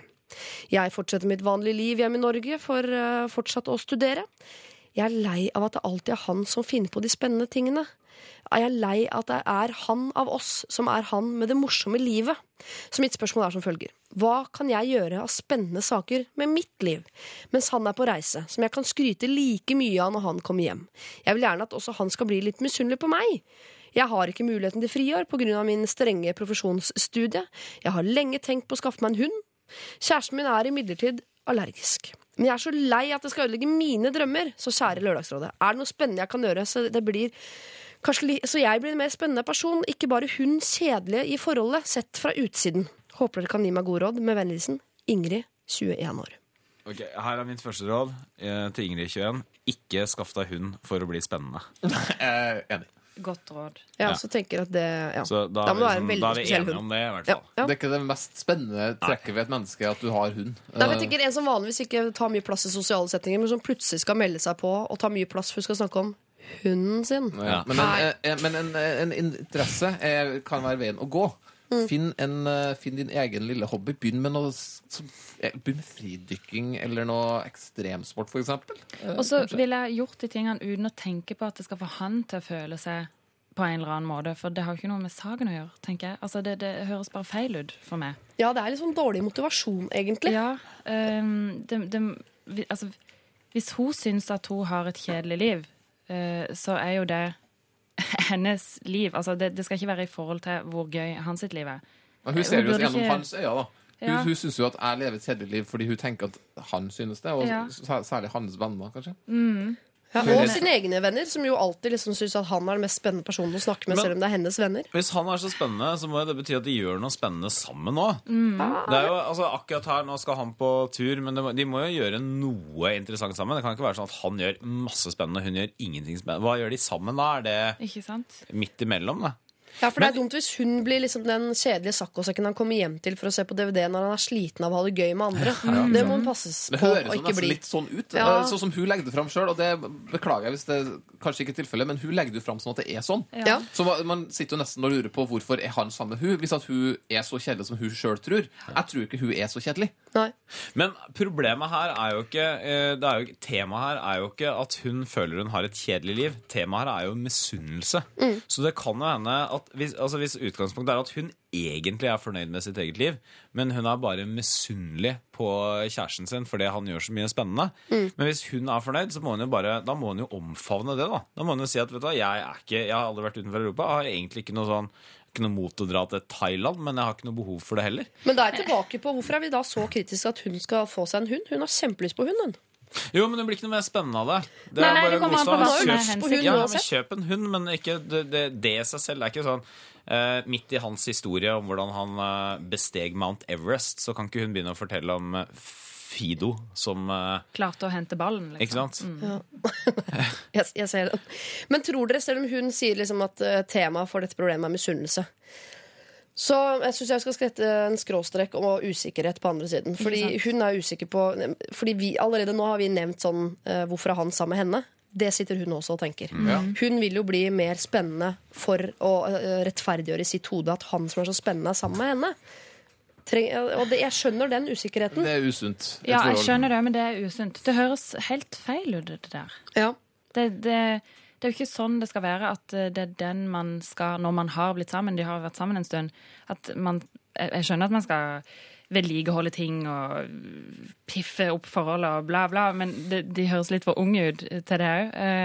Men altså det, Han skal være på hennes lag, og det skal hun være trygg på at han er. Og det, Ja. det, sånne tanker Og det kan hende hører at ikke hjemme. forholdet det kan hende at forholdet fungerer Det kan hende at han er en type som trenger litt sånn fri Eller det er han jo åpenbart da, når han drar på en, et år, var det det? Med reise med broren sin. Altså det er ganske mye frihet i et forhold å få lov til å dra et år bort.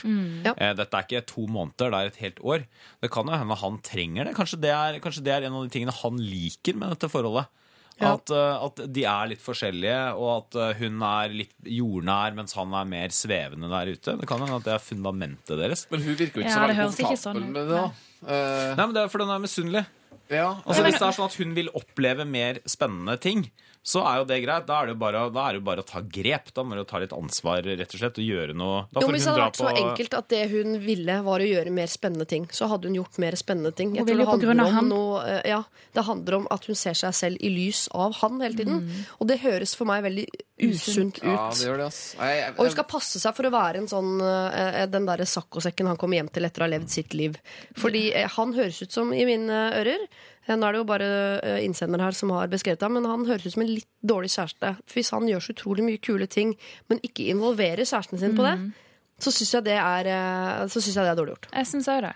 Jeg syns det, det er noe som skurrer veldig her, altså. Ja. Ja, jeg er usikker på hvordan det der eh, forholdet er om ett år. Hvis han har levd et uh, år som backpacker sammen med broren sin, eh, og, og har da bare et, et kiste til full av ville opplevelser og spennende historier, og hun har kanskje uh, klappa en hund det året, så er jeg usikker på liksom, sånn, om de møtes uh, der de er nå, da. Ja, herregud, Til og med Lars Monsen tar jo med seg Trine Rein ut i teltet noen ganger. Altså, jeg skjønner at ikke hun skal leve hans liv, men må få lov til å være med på telttur, om ikke annet. Men, da er, men da er, spørsmålet er jo da hva de gjør sammen. For det, jeg, jeg syns ikke det nødvendigvis er et problem at de har eh, altså, eh, i, så, eh, sånn, eh, I mitt eget forhold, altså kona mi og jeg, vi har ganske forskjellige liv.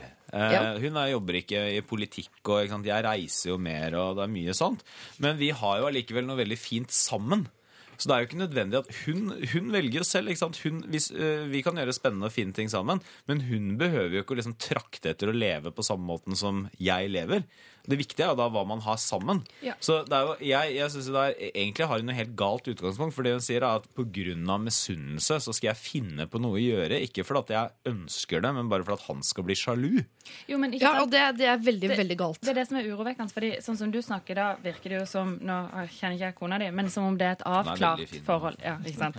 Nei, men at det, det virker som det er noe dere har snakka om. Ja. Det virker som det er noe som man er fornøyd med, men i dette tilfellet så bare det at hun snakker om at hun er misunnelig på han, altså, det, det er jo noe de ikke snakker om her, og det virker som det er noe han ikke fanger opp. Jeg tenker at altså, hvis han er en sånn globetrotter, hvorfor, hvorfor Nå hørtes du gammel ut nå. Sånn deler globetrotter, ja. Da må jeg lese Jeg er så jo gammel. Som sender elektronisk brev hjem. Men, men det, altså, jeg tenker jo det, hva, hva, hvorfor er han sammen med henne egentlig? Så sier du ja, det er kanskje sånn, det er kanskje det han trenger, sier du, Torbjørn. ikke sant? Men hva trenger hun? Hun trenger tydeligvis noe helt annet. Det, det høres helt skjevt ut. Ja, det høres veldig skjevt ut, Men dette forholdet. ikke Jeg tenker, altså jeg har eh, aldri hatt lyst til å hoppe i fallskjerm eller, eh, eller surfe eller gjøre noen sånne ekstremsportgreier. Og, hvis, eh, og det er jo ikke sånn at jeg Altså Jeg blir jo ikke misunnelig på de som lever et mer spennende liv enn meg fordi at de driver sånn basehopping eh, av den Ja, men det er derfor jeg mener at det Altså, ikke er bare- handler om misunnelse. Hun komfortabel føler med- at hun må hoppe i strikk for å bli sett av kjæresten sin og av sine venner og av hans venner. For hun blir ikke sett jo- når han står der. Da er vi jo forsvinnende nær konklusjonen at hvis det er tilfellet Mm. ikke sant? Hvis problemet her, hvis hun er ærlig og så tenker hun at problemet her er egentlig forholdet oss imellom, Mm. ikke meg, så er vi jo forsvinnende nær at eh, hvis ikke de kan liksom, løse opp i det, så, så er det jo vanskelig å leve et liv sammen. Ja, men jeg tror Akkurat nå så tror jeg begge to egentlig eh, har det ok i forholdet, men det høres ut Hvis det, så, hvis det er sånn som vi tolker det, så jeg tror jeg ikke at det der forholdet kommer til å vare så veldig lenge. Dessverre.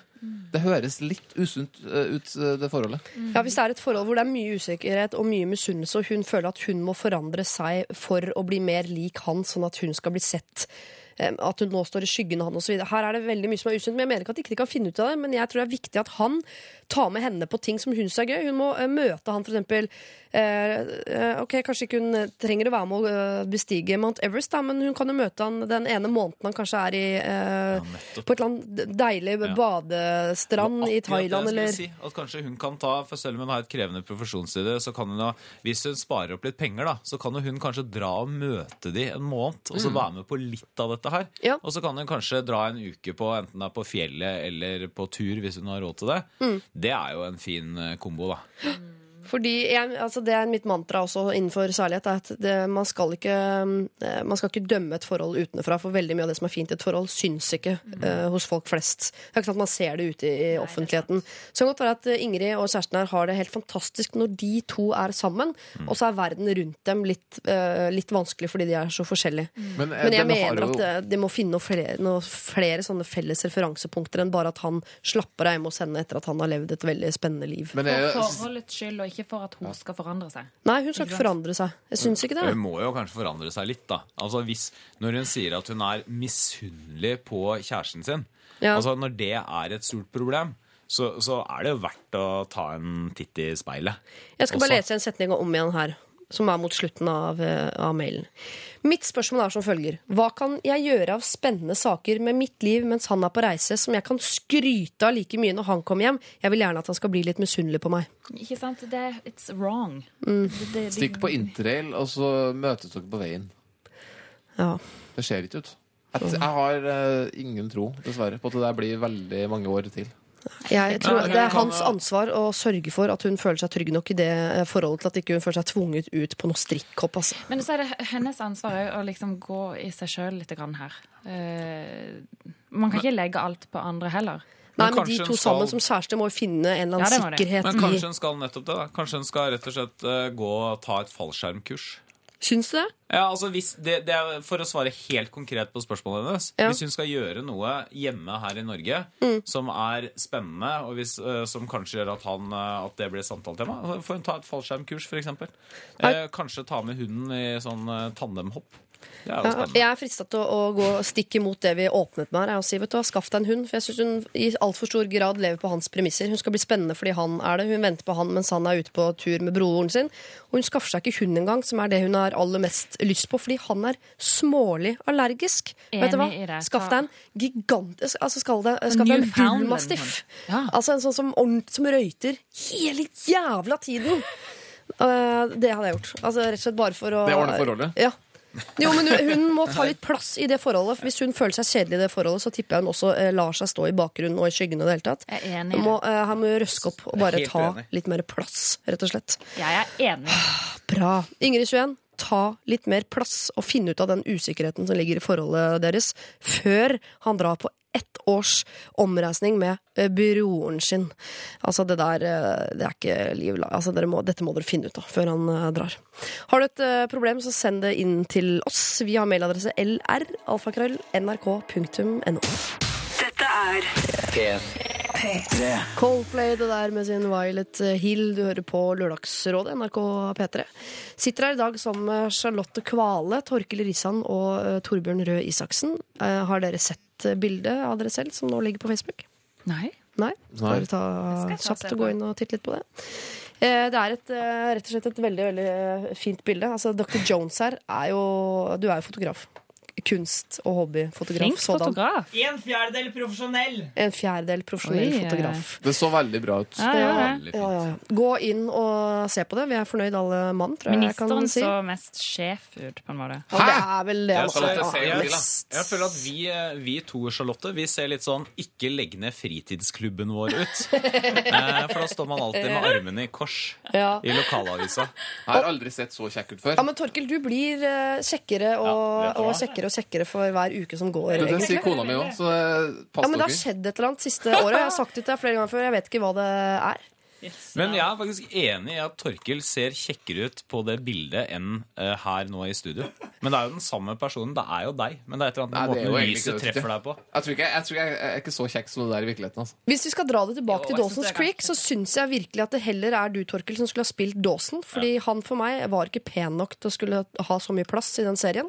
Torbjørn, du kunne vært Pacey, for du har det samme Ja. sånn eh, karslige nabogutteutseendet som han har. Småtjukk. Charlotte Kvale, du er jo en kule som flytta fra New York og inn, vet du. Hun som tidligere senere har blitt Oscar-vinner. Michelle Williams. Michelle Williams ja. Oi, oi, oi. Og jeg er litt usikker Jeg lurer på om jeg er hun narkomane søstera til Joey. Hun som drev en sånn bed and breakfast. Nei, der er du Joey. Der, der er du Joey. Ja, nei, det er jeg usikker eh, på, altså. Nok Creek. Det blir aldri nok Dawson's Creek. Det ligger i Netflix i sin helhet. Eh, det, hold på det pubertale. Vi skal eh, straks ta eh, stilling til BH, eller ikke BH. Lørdagsrådet på P3. P3. Farao har vi altså hørt her. Dette er Tell Alive på NRK P3. Vi skulle ta et sånn BH-relatert problem. Eh, her er jeg veldig nysgjerrig på hva guttene mener, og hva jentene mener. Hei, jeg er en jente på 17 år. Noen ganger, ganske ofte egentlig, så gidder jeg ikke gå med BH. Den presser og gnager, og i tillegg har jeg minimalt med pupper. Det er ikke altfor langt unna flatt. Er det greit da å droppe BH-en til tider, eller er det ikke greit? PS, det må sies at jeg alltid går med BH eller sports-BH på skolen, med mindre jeg går i veldig baggy genser. Hilsen Fritt Heng. Smilefjes. Jeg syns det er helt greit å ikke gå med BH. Hvis hun føler seg komfortabel med det. Ja. Ja. Ja, for Bruker man ikke BH først og fremst for, eh, for sin egen del, og ikke for eh, de rundt? Eller? Det tror jeg nok. Ja, men, det, Men ikke svar sånn. Ikke vær så grisig. i måten å prate på. Ja, ja, Ja, jeg, jeg var bare dypt enig, liksom. Ja, ok. Eh, Men altså, hvis, jeg, spør, altså, hvis det Dette er bare et spørsmål til Jeg vet ikke om dere kan svare på det, men hvis det er veldig flatt, vil det da vises at du ikke er på BH? Ja, altså, man får da får man jo faktisk større noe, pupper av å ha var- Ja, det ser- Fyrlyd. Jo, ja, nei, men jeg bare tenker at Du vil jo se det hvis du har på en type bluse eller en eh, T-skjorte. Altså, du, du Det ser det kommer an jo på om du har da. spisse brystvorter eller ikke. Ja, ja er, nå merker jeg at jeg bare ikke nå, Nå må du trekke deg det dere fikk sånn stemme Nei, som er men veldig jeg tenker som så at Det er jo for at eh, Ikke sant det, BH, eller, altså, eh, BH er jo et praktisk plagg, først og fremst. først og det er jo for å liksom holde ting på plass. Eh, så hvis man ikke behøver å gjøre det av praktiske årsaker, så kan man tenke ikke noe problem. På den annen side så kan det hende at uh, dette har jo også litt med sosial kutyme å gjøre. Jaha. Og det kan jo hende at også Aha, noen som aha. har litt uh, fyldigere frontparti, mm. uh, syns det er behagelig å gå uten BH. Hva vet jeg. Og da tenker jeg kanskje at da burde man kanskje føye seg etter den sosiale kutymen og rett og slett gå med BH, selv om man uh, syns det er uh, behagelig å ikke gjøre det. Litt Men- på samme måte som uh, ha på deg liksom eh, boksershorts, selv om du kanskje egentlig liker å gå kommando. Ja, men det er ikke det samme, fordi det for det fordi tissen syns jo ikke mer fordi om man ikke går med truse eller boksershorts. Nei, men er det ikke litt sånn Er det ikke en del sånne regler og Hvorfor vi normer som vi bare følger? Nå var Fordi du at veldig sånn skal voksne mennesker gjøre. Det er Ja, altså mellomnavnet til Det, Torbjørn. Det, det- det er også Twitter-nikket mitt. Det er at konservativ. Det er Men, men dette, dette får jeg litt sånn problemer med, eh, Torbjørn, fordi at skal damer altså skjule puppene sine hvis de er store, fordi at det kan være støtende på Ja, er helt Nei, men det var nettopp derfor jeg Nei, ikke fordi det skal være støtende, det mener jeg ikke, men det var nettopp derfor jeg brukte dette undertøyseksempelet okay, også. ja. Eh, For at jeg mener jo at eh, Altså, man må selvfølgelig få velge selv. Ja. Men jeg tenker jo som så at eh, normale voksne mennesker, eh, menn, går med undertøy. Ja, Eh, Jeg synes det er vanlig. litt rart eh, med menn som da ikke bruker boksershorts Men det eller ville du aldri sett. Nei. Nei, men Det er ikke sånn allikevel stikker så syns jeg det. At det er litt sånn pussig. Ja? For jeg tenker at da, da er det Jeg bare tenker at det er noen Det er noen sånn eh, eh, Noen normer og regler som hvorfor, eh, hvorfor følger man dem? Nei, bare fordi det er sånn. Eh, så jeg, nå bare problematiserer jeg. Altså, Ja, ja, mitt svar til denne unge kvinnen er gjør akkurat som du vil. Mm. Eh, men jeg bare problematiserer litt. Men ja, det blir noe annet hvis du har sagt til han Jeg har kjempestore pupper. Henger og slenger og dilter og dalter. Så skal jeg bruke BH, så vil jeg tenke sånn Nei, på prinsipielt grunnlag så trenger du ikke det. Men rent sånn Ikke av hensyn til andre, men av hensyn Hvis du er interessert i å se noenlunde ålreit ut, da, så kan det være en god idé med BH. Jeg fikk jo beskjed av Imran i klassen min i sjette klasse at nå burde du begynne å bruke BH-serie, og har brukt det siden. Eh, ikke hjemme alltid. grann Beklager sånn, Du sier ikke av hensyn til andre. Altså, jeg skjønner jo det. Altså, alle har rett til å kle seg som de vil. Eh, Jo, men- helt, helt greit. Men, men, men det er jo litt sånn man, Burde man ikke ta litt grann hensyn til andre også når man kler seg, da? Jo, men det er jo ikke altså, det, det. Jo, jeg er jo enig i det at uh, man liksom man går ikke rundt med rumpehullet oppi trynet på folk. Men, ja, men altså, det er to helt forskjellige ting. Det, det er puppene til folk. Det er, jo, det, er jo, det er jo ikke Jeg bare skjønner ikke Og hvordan hun det spør kan ikke om å gå være toppløs. Nei, hun spør jo ikke om å gå Nei, toppløs. men er det ikke samme? Dette er jo samme prinsippet som eh, Jeg har lyst til å sole meg toppløs på stranda. Skal jeg gjøre det eller ikke? Og da tenker jeg som så at det er noen ikke sant? Det er veldig mange sånne ting hvor du har rett til å gjøre det. Du kan gjøre det. Du er liksom fri og bestemmer selv. Men det er jo noen sosiale normer og konvensjoner som man normalt følger, og som jeg syns bare er helt greit at vi følger, da. Men det er forskjell på å være toppløs eh, og på å ikke være det. Eh, Og hvis man ikke er toppløs, men eh, går, velger å gå uten BH, så får jo det være deres greie. Ja, ja, og, men, og jeg hvorfor skal jeg gå med bokser hvis altså, nå, Jeg gjør det, men hvorfor? Jeg kunne jo ikke gjort det, og du hadde ikke ant det. Så Nei, hvorfor altså, skal jeg gidde? Men jeg, poenget, jeg er helt enig i altså sånn For hennes tilfelle så er det ingen grunn altså Hun må bestemme dette helt selv. Eh, velg selv. Dette fikser du. Men så tenker jeg litt sånn de brede altså Hvis man gjør dette litt større spørsmål, da, så er det sånn liksom, hvorfor, skal man ikke, hvorfor skal man ikke gå med en bitte liten speedo? eh, på stranda, f.eks. Man kan jo gjøre det. Det er ingen fordi det ikke er fint. forbudt. Folk gjør jo det. Ja, men det, av hen- da er det av hensyn til andre, da. Og man tenker jo litt på det. Hvorfor tar man på seg en dress når man skal i konfirmasjonen til noen? Du kan jo gå i olabukse og T-skjorte. Du har lov til det. Hvorfor gjør man det? Jo, for at det er noen normer og regler som man følger. Jeg Men skal at det er har greit. en sånn norm. Dette synes jeg det er forskjellige ting, for dette, det, dette er jo veldig sånn egentlig veldig uh, kjønnsbasert. Fordi du snakker om boksershorts, men det er en helt annen ting. For de som uh, Torkel sier, så syns jo ikke det uansett. ikke sant? Mm. Så problemet med, uh, sånn som jeg hører du sier det, med å ikke bruke BH, er jo fordi at puppene syns, liksom. ikke sant? At Mm. det kan være Hvorfor skal man gjøre det når man kan kle seg ordentlig? Eller Mm. noe. Og det, det, det syns jeg blir litt problematisk, egentlig. Men jeg synes, hvis vi går tilbake til hennes, eh, det hun faktisk sender inn, så sier hun at eh, hvis hun går i veldig baggy genser, da bruker hun ikke alltid BH. Jeg ville nesten synes at det er omvendt. Hvis, jeg, eh, hvis man har utrolig sånn løst plagg, og puppene også er løst, så vil jeg tro at det syns mer enn hvis man har noe som er litt stramt.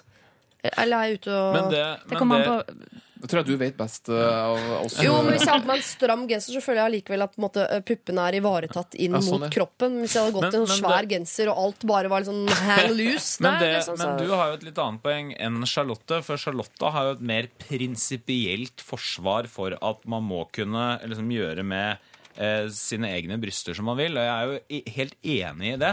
Men eh, at i, i utgangspunktet så er det jo sånn. Men samtidig så tror jeg de aller fleste eh, reagerer f.eks. hvis man eh, det er noen som Man ser liksom brystene gjennom en genser eller noe sånt. da Jeg tror Altså, hun ville valgt liksom å ha på det er BH hvis hun hadde gjennomsiktig bluse. Det tror jeg hun ville gjort. Ja, ja, altså for, igjen, for henne så høres det ut som en no-brainer. Altså Ja. Hun må kunne velge dette her helt selv, altså hvis hun syns det er eh, helt greit.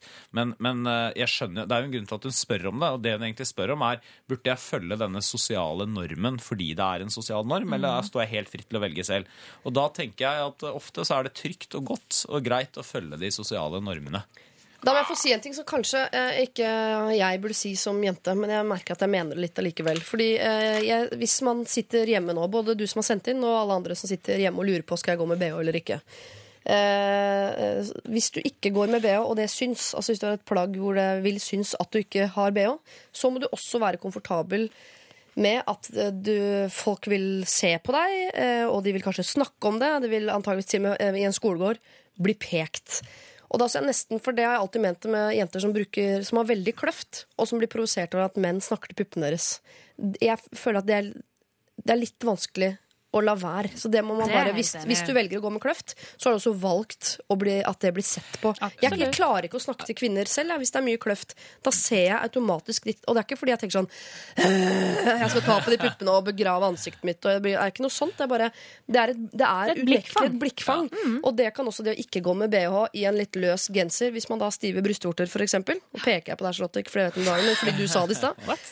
Så da må man, bare- man må vite hva man begir seg ut på, og være komfortabel med det. Jeg, er helt enig. jeg, er, jeg skjønner hva du mener, men samtidig så er det, det er jo ikke liksom fritt fram for all mulig dårlig folkeskikk bare Nei, fordi nei, nei. man har en utringning. Absolutt og det er ikke. litt sånn, ikke sant? Det er forskjell på jeg, altså, eh, Har man på seg noe som er veldig iøynefallende, så kommer folk selvfølgelig til å se på det. Mm. Men liksom, menn som ikke klarer å forholde seg til en person som har en utringning, det er jo det er ikke noe unnskyldning for. Da, da er det jo de som må ta seg sammen.